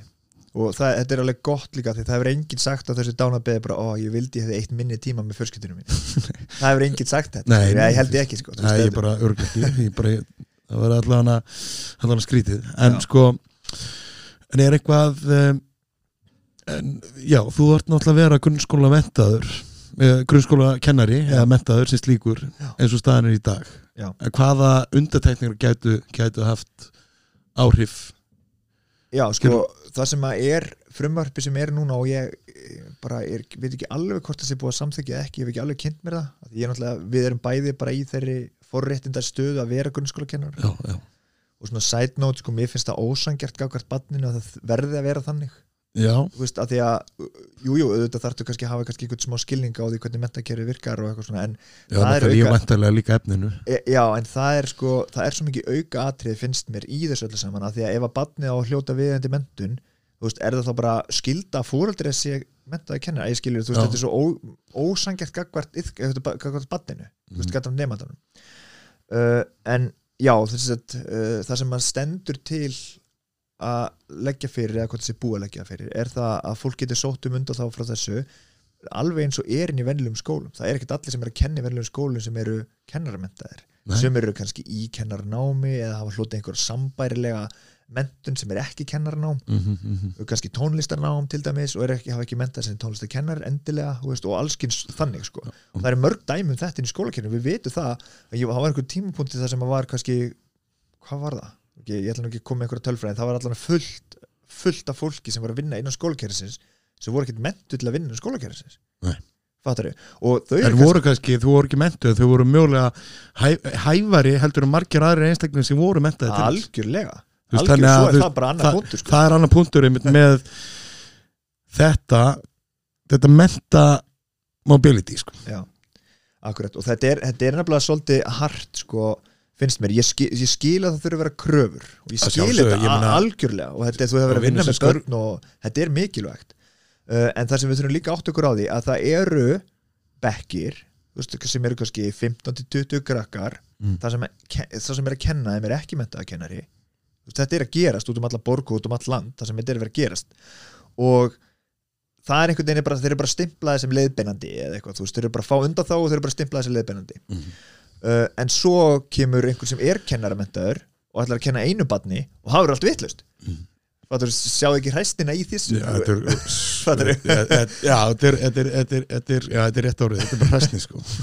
Veist, það, það er mitt máli veist, við erum, sko, þannig að það er, það er auðvitað pros and cons í, í þessu öllu saman. Uh, og þegar sko, við getum, þú veist, þú verður bara að stoppa mig sko, ég get tala enda Já, ég bara, mál er að, bara halda áfram.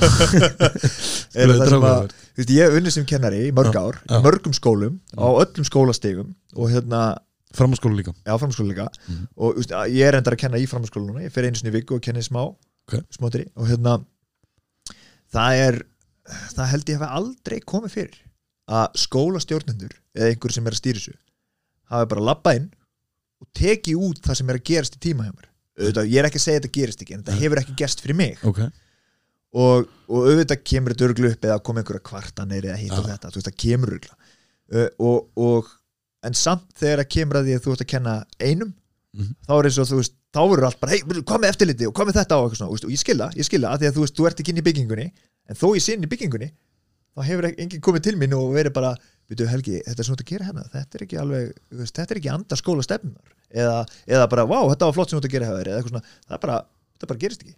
Fattar, og, og auðvitað að því að máli er skólastjórnir hafa bara nóg ásinn í könnu það er bara þannig, þessi skólar eru bara risastórir og þetta er bara risabatteri og það er Já. mjög erfitt að gera þetta Mm. og ég hef fulla virðingu fyrir öllum skólastjórnendum Mm. öllum kennurum þetta er ógeðslega erfitt já, þetta er, þetta bara- er major, major sko, það er mitt málið og algjörlega meða við ábyrjuna og, og sko kröðnar, samfélagslega kröðnar sem eru settar á þessu stjætt ákvöru ákvöru eru þau ekki þú veist, ég meina það er, það er nú ekki hægt að segja að, að sko það sé hægt að rópa húra fyrir kjörunum.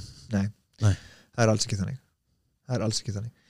Það, Það er- er, er annar pól það er nefnilega margt í þessu að því líka svo og hefbundir skóla veist, svona systematíst skólastarf þú veist, bara kerfisbundi skólastarf á Íslandi er eitthvað 110 ára gamalt eða eitthvað. Þetta er ekki svo gamalt. Nei. fram að því var þetta bara, þú veist, þú gæst lært heima hjá þér, þú kannski stundu var þetta náttúrulega tengt hérna, trúabröðum, veist, prestur kom og kendi þér að lesa já, já. þú veist, annars lærir bara hjá mömmu og pappa eða frænd og afa, Mhm. þú veist, eitthvað svona þú veist, he- heimakennsla er miklu eldri heldur en skólakerri, miklu, miklu, miklu eldra og svo þegar við fyrir að tala um sko eins og það hvað lestur skiptir miklu máli ég meina uh, hvað er að segja 150-200 ár síðan ef þú varst alltaf að lesa, þá varstu bara hálfviti skilur, Já. þá var bara, "Ey, hvað ertu latur akkur svona latur, akkur þú alltaf að lesa hérna, þú veist, þegar þú átt að bara að vera að vinna. Þú átt bara að vera duglegur og þú átt að vera að sjá um dýrin eða þú átt að vera að veiða og þú átt að vera að sjá um heimili þú átt að vera að gera verkefniðin en núna er eins og að lestur sé alltaf aðalmáli sko. lestur er, Já, sko, þú veist, ég- ég horf á, þú veist, eins og, sko, nú tekið sjálf með sem dæmið, þú veist, í, í grunnskóla þá var ég nú ekki uh, svona bestin, sko, bestin ásmaðurinn og, og, og hafði ekki hæstu einhverjum heldur þvert á móti. Og þetta vegna þess að mér á, á tíðanbili leið mér bara ekki vel í, í, í, þessu, í, þessu, þessu, þessu, kerfi. Um, en sko og einmitt, þú veist, lærði lestur og ég, þú veist, á þeim tíma sem einstaklingur, þetta höfða ekki til mín þá. Ég sá ekki tilgangi við Já. þetta sem óharnað bann um, eitt af mesta sem ég geri í dag og eitt uh, bara aðar, sko, áhugamál hjá mér er að safna af með bókum Já. og lesa eins mikið og ég kemst yfir akkurat. Og það er bara æfingaform. Þú veist, eins og þú sagðir áðan um, það henda mér núna þegar ég er orðin fertur já, skilur og, og, og, og undanförnum missurum það hendaði mér ekki þá. Já. ok, þú veist, þú er búið að þú veist, eh, sko ég hef haft ábúðslega gaman af því að lesa svona bara það sem mér finnst eiga við hverju sinni skilur, ég kem ekki með engunir vel út úr skóla á sínum tíma. Já. en ég les óbúðslega mikið mér til gags og gamans aðlagt til gags Já. í dag. Það er eins og það sem hún varst að segja þetta á á hvaða tímapunkti það kemur til með að henda þér. Og þá er þetta bara, neyðin kennir nektur kona að spinna, sko, það Já, er náttúrulega já, bara þannig. já. ef þú finnur þörfin að læra eitthvað þá bara lærir það það, er, það- það er svolítið þannig en, er en, en þarna sko þarna lærði ég sko þarna var grunnur Já. ég lærði náttúrulega að lesa, ég lærði náttúrulega að skrifa í skóla. Náttúrulega grunnforsenda þess að ég get lesið í dag. Þetta, þetta er nefnilega mjög veist, þetta tala um lestur er að það er náttúrulega alls konar rannsóknir úr- á báða bóga þú veist, gott að byrja snemma og sumi segja nei, gott að byrja setna sumi segja, ok, gott að byrja þegar þau sjálf hafa áhuga fyrir því og finna svona það, þetta félagslega félag, veist, samfélagi mun kenna þér að lesa þú veist, þegar þau finna það að þú finnur að það er ekki gaman að vera sá sem kann ekki að lesa skiltin í kringu þig. Og það er nefnilega ok, ég ætla að taka stutt útgöðan þessari sögu, það er skóli í Englandi sem að heitir Summerhill og bara áhuga samir um skólakerfið, ég ætla að kíkja á það en þar er hérna val. Já og hérna ég ætla að segja sögu frá skóla sem heitir Summerhill í Englandi, ég ætla bara að taka stutt útgáfana en, en þeir sem eru áhuga samir um hérna, mentakerfi og skólamál og svona bara að kynna ykkur þennan skóla sem heitir Summerhill í Englandi. Uh, það er sér saga um nefnda þar og, og máli er í þessum skóla þá, þá mega nefndir velja hvort þið mæti tími eða ekki. Þannig að þau bara ákveða það sjálf. Ef þau vilja ekki koma og læra eitthvað ákveð þá þurfa þau ekki að gera það. Og það er hérna maður sem að læriði margt og mikið í þessum skóla alls konar hluti sem hann hafði áhuga og varð mjög fær í mörgum hlutum en hann enga áhuga að læra að lesa þannig hann útskjöfast í raun og úr þessum skóla algjörlega ólæs, kunni ekkert að lesa neitt, neitt. og hérna svo er hann bara fullor maður og hann er að ferðast hérna, um heiminn og átta sig á því hvað er skammarlegt þegar að það koma hérna, túristar og spurja hann á flugvellinum og þau þurfa að leita einhverju og þau skilji ekki stafina því þau voru frá einhverju Asjúlandi og skildi ekki hvað stóð á skiltinu og þau voru að leita information eða check-in eða eitthvað. Og þau voru að spurja hann bara hva, og þá skammaði svo mikið að hann gati ekki lesa hvað stóð á skiltinu. Og þetta er fullorinn maður ég menn ekki kannski 30 ára sem tímpúndi eða eitthvað. Og mánuðið setna þá kunni hann að lesa. Af því að hann, veist, hann bara, ég ætla bara að læra að lesa. Veist, þetta meikar ekki sens fyrir mig, ég kunni ekki að lesa og hann bara skammaði sín. Ok. Þú veist, þó sem hann verið mjög færi með mörgu öðru. Já. Þú veist, þannig að við tölum um það að, full þroska heili er svo fljótur að læra eitthvað. Nú heyrði ég þetta ég, veist, þannig að ég byrð fólk hérna, mér klári mönnu að ég er ekki búin að skoða þessa rannsókn, ég heyrði af manni sem að var að gera verkefni hérna, í HÍ, hann kom að tala af um og var að tala um sko, tímasetningu á námsefni, þú veist, hve- hvenar á veist, ferlinu er sniðut að koma inn með hann var að, hann var að gaggrina það hversu snemma er kent starffræði, af því að sumir Ok. er mjög erfitt með starffræði Já. og, veist, og sé, hún er orðin of flókin of snemma, segir hann, veist, Mm. ekki það að sé kent plus, plus í fyrsta bekk og mínus í öðrum bekk, veist, ekki það heldur svona þetta verður of flóki of snemma af því að hann sagði að það hefur verið tekið einhver einstaklingar sem hafi farið, bara einhver flóttamenn og eitthvað sem hafa aldrei fengið sk- skóla veist, og hérna, svo eru- voru, voru fullanir og þeir lærið allt sem þú þurftir að læra á tíu árum í grunnskóla á tveimu vikum af því þeir voru fullornir og heilin var orðin svo þroskar þeir bara gátu meðtekir upplýsingarna miklu betur. Ok. Og við erum að tala um fólk sem kunni ekki svona telja áður en þau byrjuð og tveimur vikum ég með vinni að það verið tvær vikur. Þannig að ef einhver getur fundið þessa rannsókn og, og hefur áhuga á þessu en eins og ég segi, ég er ekki að segja að þetta hafi gest Nei. en hann allar sagði mig frá þessu. Þetta er mjög áhuga punktur að átta okkur á því að þurfa allir að læra allt sem þeir eru byrjar að læra í fyrsta bekk, öðrum bekk, þriða bekk. Þú veist, af upp og hverju nýtt Já, þú veist, af hverju þarf að læra allt þarna? Eða er betra kannski að kenna eitthvað annað á þessum tímapunkti? Og enn og aftur, þú veist, þarf stundarskráni vera svona lík í fyrst og tíundabæk er eitthvað sem við getum bara algjörlega sleppt í tíundabæk af hverju þurfum við að eins og, þú veist, hvenar er til dæmis mótþróin mest, mestur í einstaklingum það er þeir eru að vera úlingar að þú ferð frá því, veist, hormonur eru komin upp þú ert farin að vaksa, þú ert farin að breytast í fullorinn einstakling. Mhm. og þetta er farið að gerast kannski 12, 13, 14, 15 ára þá ertu farin veist, og allt er í gangi. Og þá kemur mótrón svo mikill að því þú ert að vera sjálfstæður einstaklingur. Og á þessum tímapunkti þá er erfiðasta skólanefnið þá ertu komin að læra algebru, þá ertu farin að læra dönsku, þú veist, er skrítið að fólki finnist þetta svona leiðilegt og svona erfitt. Þú veist, að því þú ert, þú ert, við vitum þetta. Við vitum að mótróin er mestur á þessum tímapunkti. Mhm. nokkrum árum fyrir kynþróska, þá er þú veist, mótróin lítill og getan er mikil, þú veist, þá er svo mikið tækifæri fyrir að kenna alls konar. En þarna kannski, ok, þarna þurfum við kannski að fara að skipta fókusnum eitthvað annað. Þú veist, úlingar eru bara, eiga mjög erfitt með því að láta segja sér fyrir verkum þau vilja hafa miklu meira um líf sitt að segja. Af því þau eru að læra að vera sjálfstæðir fullur einstaklingur þannig ég skilja bara mjög vel. Augljóslega. Augljóslega. Þú veist uh, fullkomlega samanlegar þarna en þú veist, uh, ef þetta er sem maður segir maður hefur kannski næla, þú veist uh, ég hef allan augljóslega, þú veist, ekki mikla einsýn í þetta. Um, og get ekki sagt fyrir um sko, þess að finnst mér áhugavert að heyra þig tala um þetta. Um, en hvað er rétt og hvað er ránt en maður getur haft sko, veist, uh, náttúrulega skoðanir á hlutunum. Og mínar skoðanir gagvert uh, skólakjárunu mér finnst uh, margt, margt óbáslega flott þarna. En með allir þessari tekni og allir þessari þekkingu þá finnst mér einhvern veginn, ég, meina, ég veit að það er erfitt þú ert með svona óbáslega stóra stofnanir að persónu gera hluti algjörlega.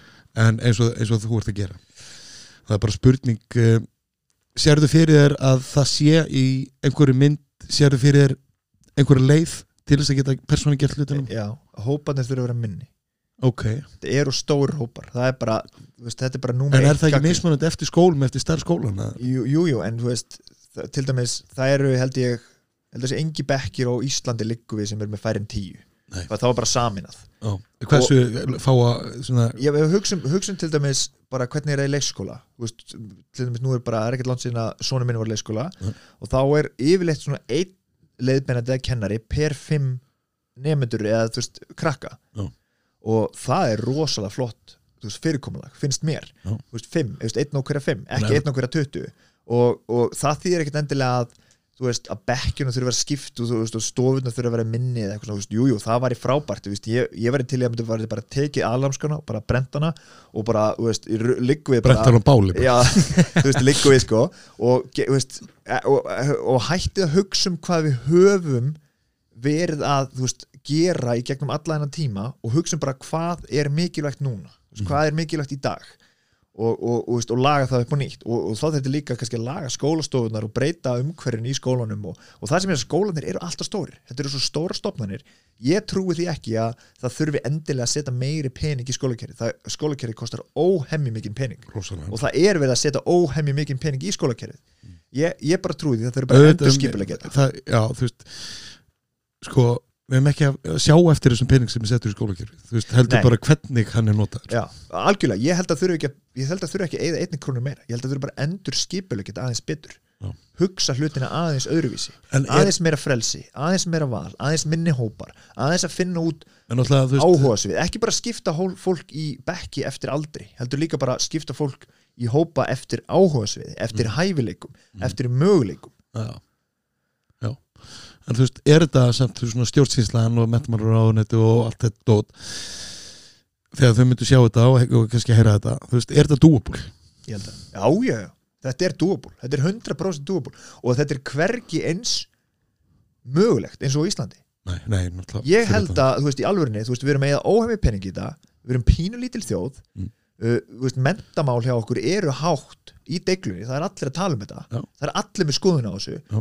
Og, og ég held að sé enginn sem að muni stíga fram og segja skólakerfi okkur er fullkomið, það þarf ekki að breyta hennu enginn, ekki kennarar ekki skólastjórar, ekki mentamála ráðherra, ég held að maður allir myndi stíga fram og geta sagt, ok, það þarf að breyta einhverju. Mhm. við þurfum að gera eitthvað öðruvísi. Og þau eru að gera hlutu öðruvísi og ég virði það, ég virði það að það er verið að gera hlutu öðruvísi. En veist, þetta er bara bara mín skoðun. Mín skoðun, hópanir eru stórir. Mm. skólinn sem ég var að vinna í Hafnafyrir nú 50 nefndur í einum skóla frábært, á hverjum einasta mótni þá getur skólastjórun og allir kennarnir með handamatti fyrir COVID Mhm. já, heilsa öllum nefndunum bara skólinn byrjar að því við þekkjum alla nefndunum, léttilega. Og, og hvað þýðir það? Það þýðir að við þekkjum kost, eða svona styrkleikana þeirra við þekkjum veikleikana við þekkjum hvar þau eru ekki eins góð já, að því við erum fáir kennar, fáir nefndur við þekkjum hvort annað bara eins og fjölskylda þarna, þú veist, að alveg bara undirstrikaðist fyrir mér hvað skiptir miklu máli að vera með litlar einingar. Að, að, að þetta snýst ekki um það endilega að í, þú þurfur að vera sérfræðingur í náttúrufræði til að kenna náttúrufræði eða sérfræðingur í starffræði það er auðvitað værið gott en aðalatrið er að vera sérfræðingur á þá nefndur sem þú ert að kenna. Þetta er náttúrulega sko tilvalið þá að byrja og pröfa þetta þá í kannski minni byggðakjörnum út á landi Já. það sem ert með mjög fáa einstaklinga í skólan Já. og það er náttúrulega alls konar sem er verið að gera. Það er Valdórskólinn, það er Hjallastafna er að, þau eru að prófa alls konar hluti. Já, og ég tek því svo fagnandi að það sé hægt að vera einhvers konar skólaval. Mm í öðrum stærri löndum þá er svo mik marga tegundur af skólakerfum. Það er ekki bara ein tegund það er hægt að veist, velja veist, hvaða leið viljum við fara í okkar námi. Og það, það er frábært og það er mikilvægt það er ekki til, veist, við vitum þetta öll það er ekki ein leið fyrir alla í neinu. Nei ekki neinu sko. ekki neinu, Ekki það er neinu. bara þannig. Þess vegna, þú veist, já. En sérðu svona ein, eitt og lóku, sérðu fyrir þér eitthvað í náinu framtíði framtíðinni þau eru svo ungbönnin að þau muni fara í uh, bara hefðbundu skóla? Bara alveg sko. Já. alveg, það er bara út að luka neitt. Nei, nei, nei, við, við fáum leifi eitt ár í senn þannig Ok. virkar þetta, það er bara að gefa eitt ár í senn og svo er það alltaf bara endur sko og við getum séð bara að vera, þú veist, eftir eitt ár kannski langaðum að fara í skólan og það er bara allt læg en við sjáum að þau eru mjög hamingisum í skólanum núna. Þau finnst þetta mjög gaman. Þau hafa mikið um það að segja hvernig þeirra námi er háttað og Mm. námi er sniðið að þeim. Mm -hmm. uh, veist, auðvitað stundum er hark, það er það þannig, auðvitað. Þú veist, en, en miklu minna heldur en kannski í þessu hefbunda að maður getur það svo auðvitað að finna leiðir. Já. við getum rætt þetta. Þau eru líka að læra að rökra það veist, það er ekkit alltaf bara computer says no veist, hérna er námskráin og er bara nýtt námskráin andlitaðum og sagt svona stendur að þú eigir að gera þetta. Nei. það er svo líjandi það er bara umrætt sko. Herðu Helgi takk fyrir æfinguna á þaðan og, takk fyrir æfingur og þakka kærlega fyrir komuna og þetta áhugaverða spjall. Takk fyrir mig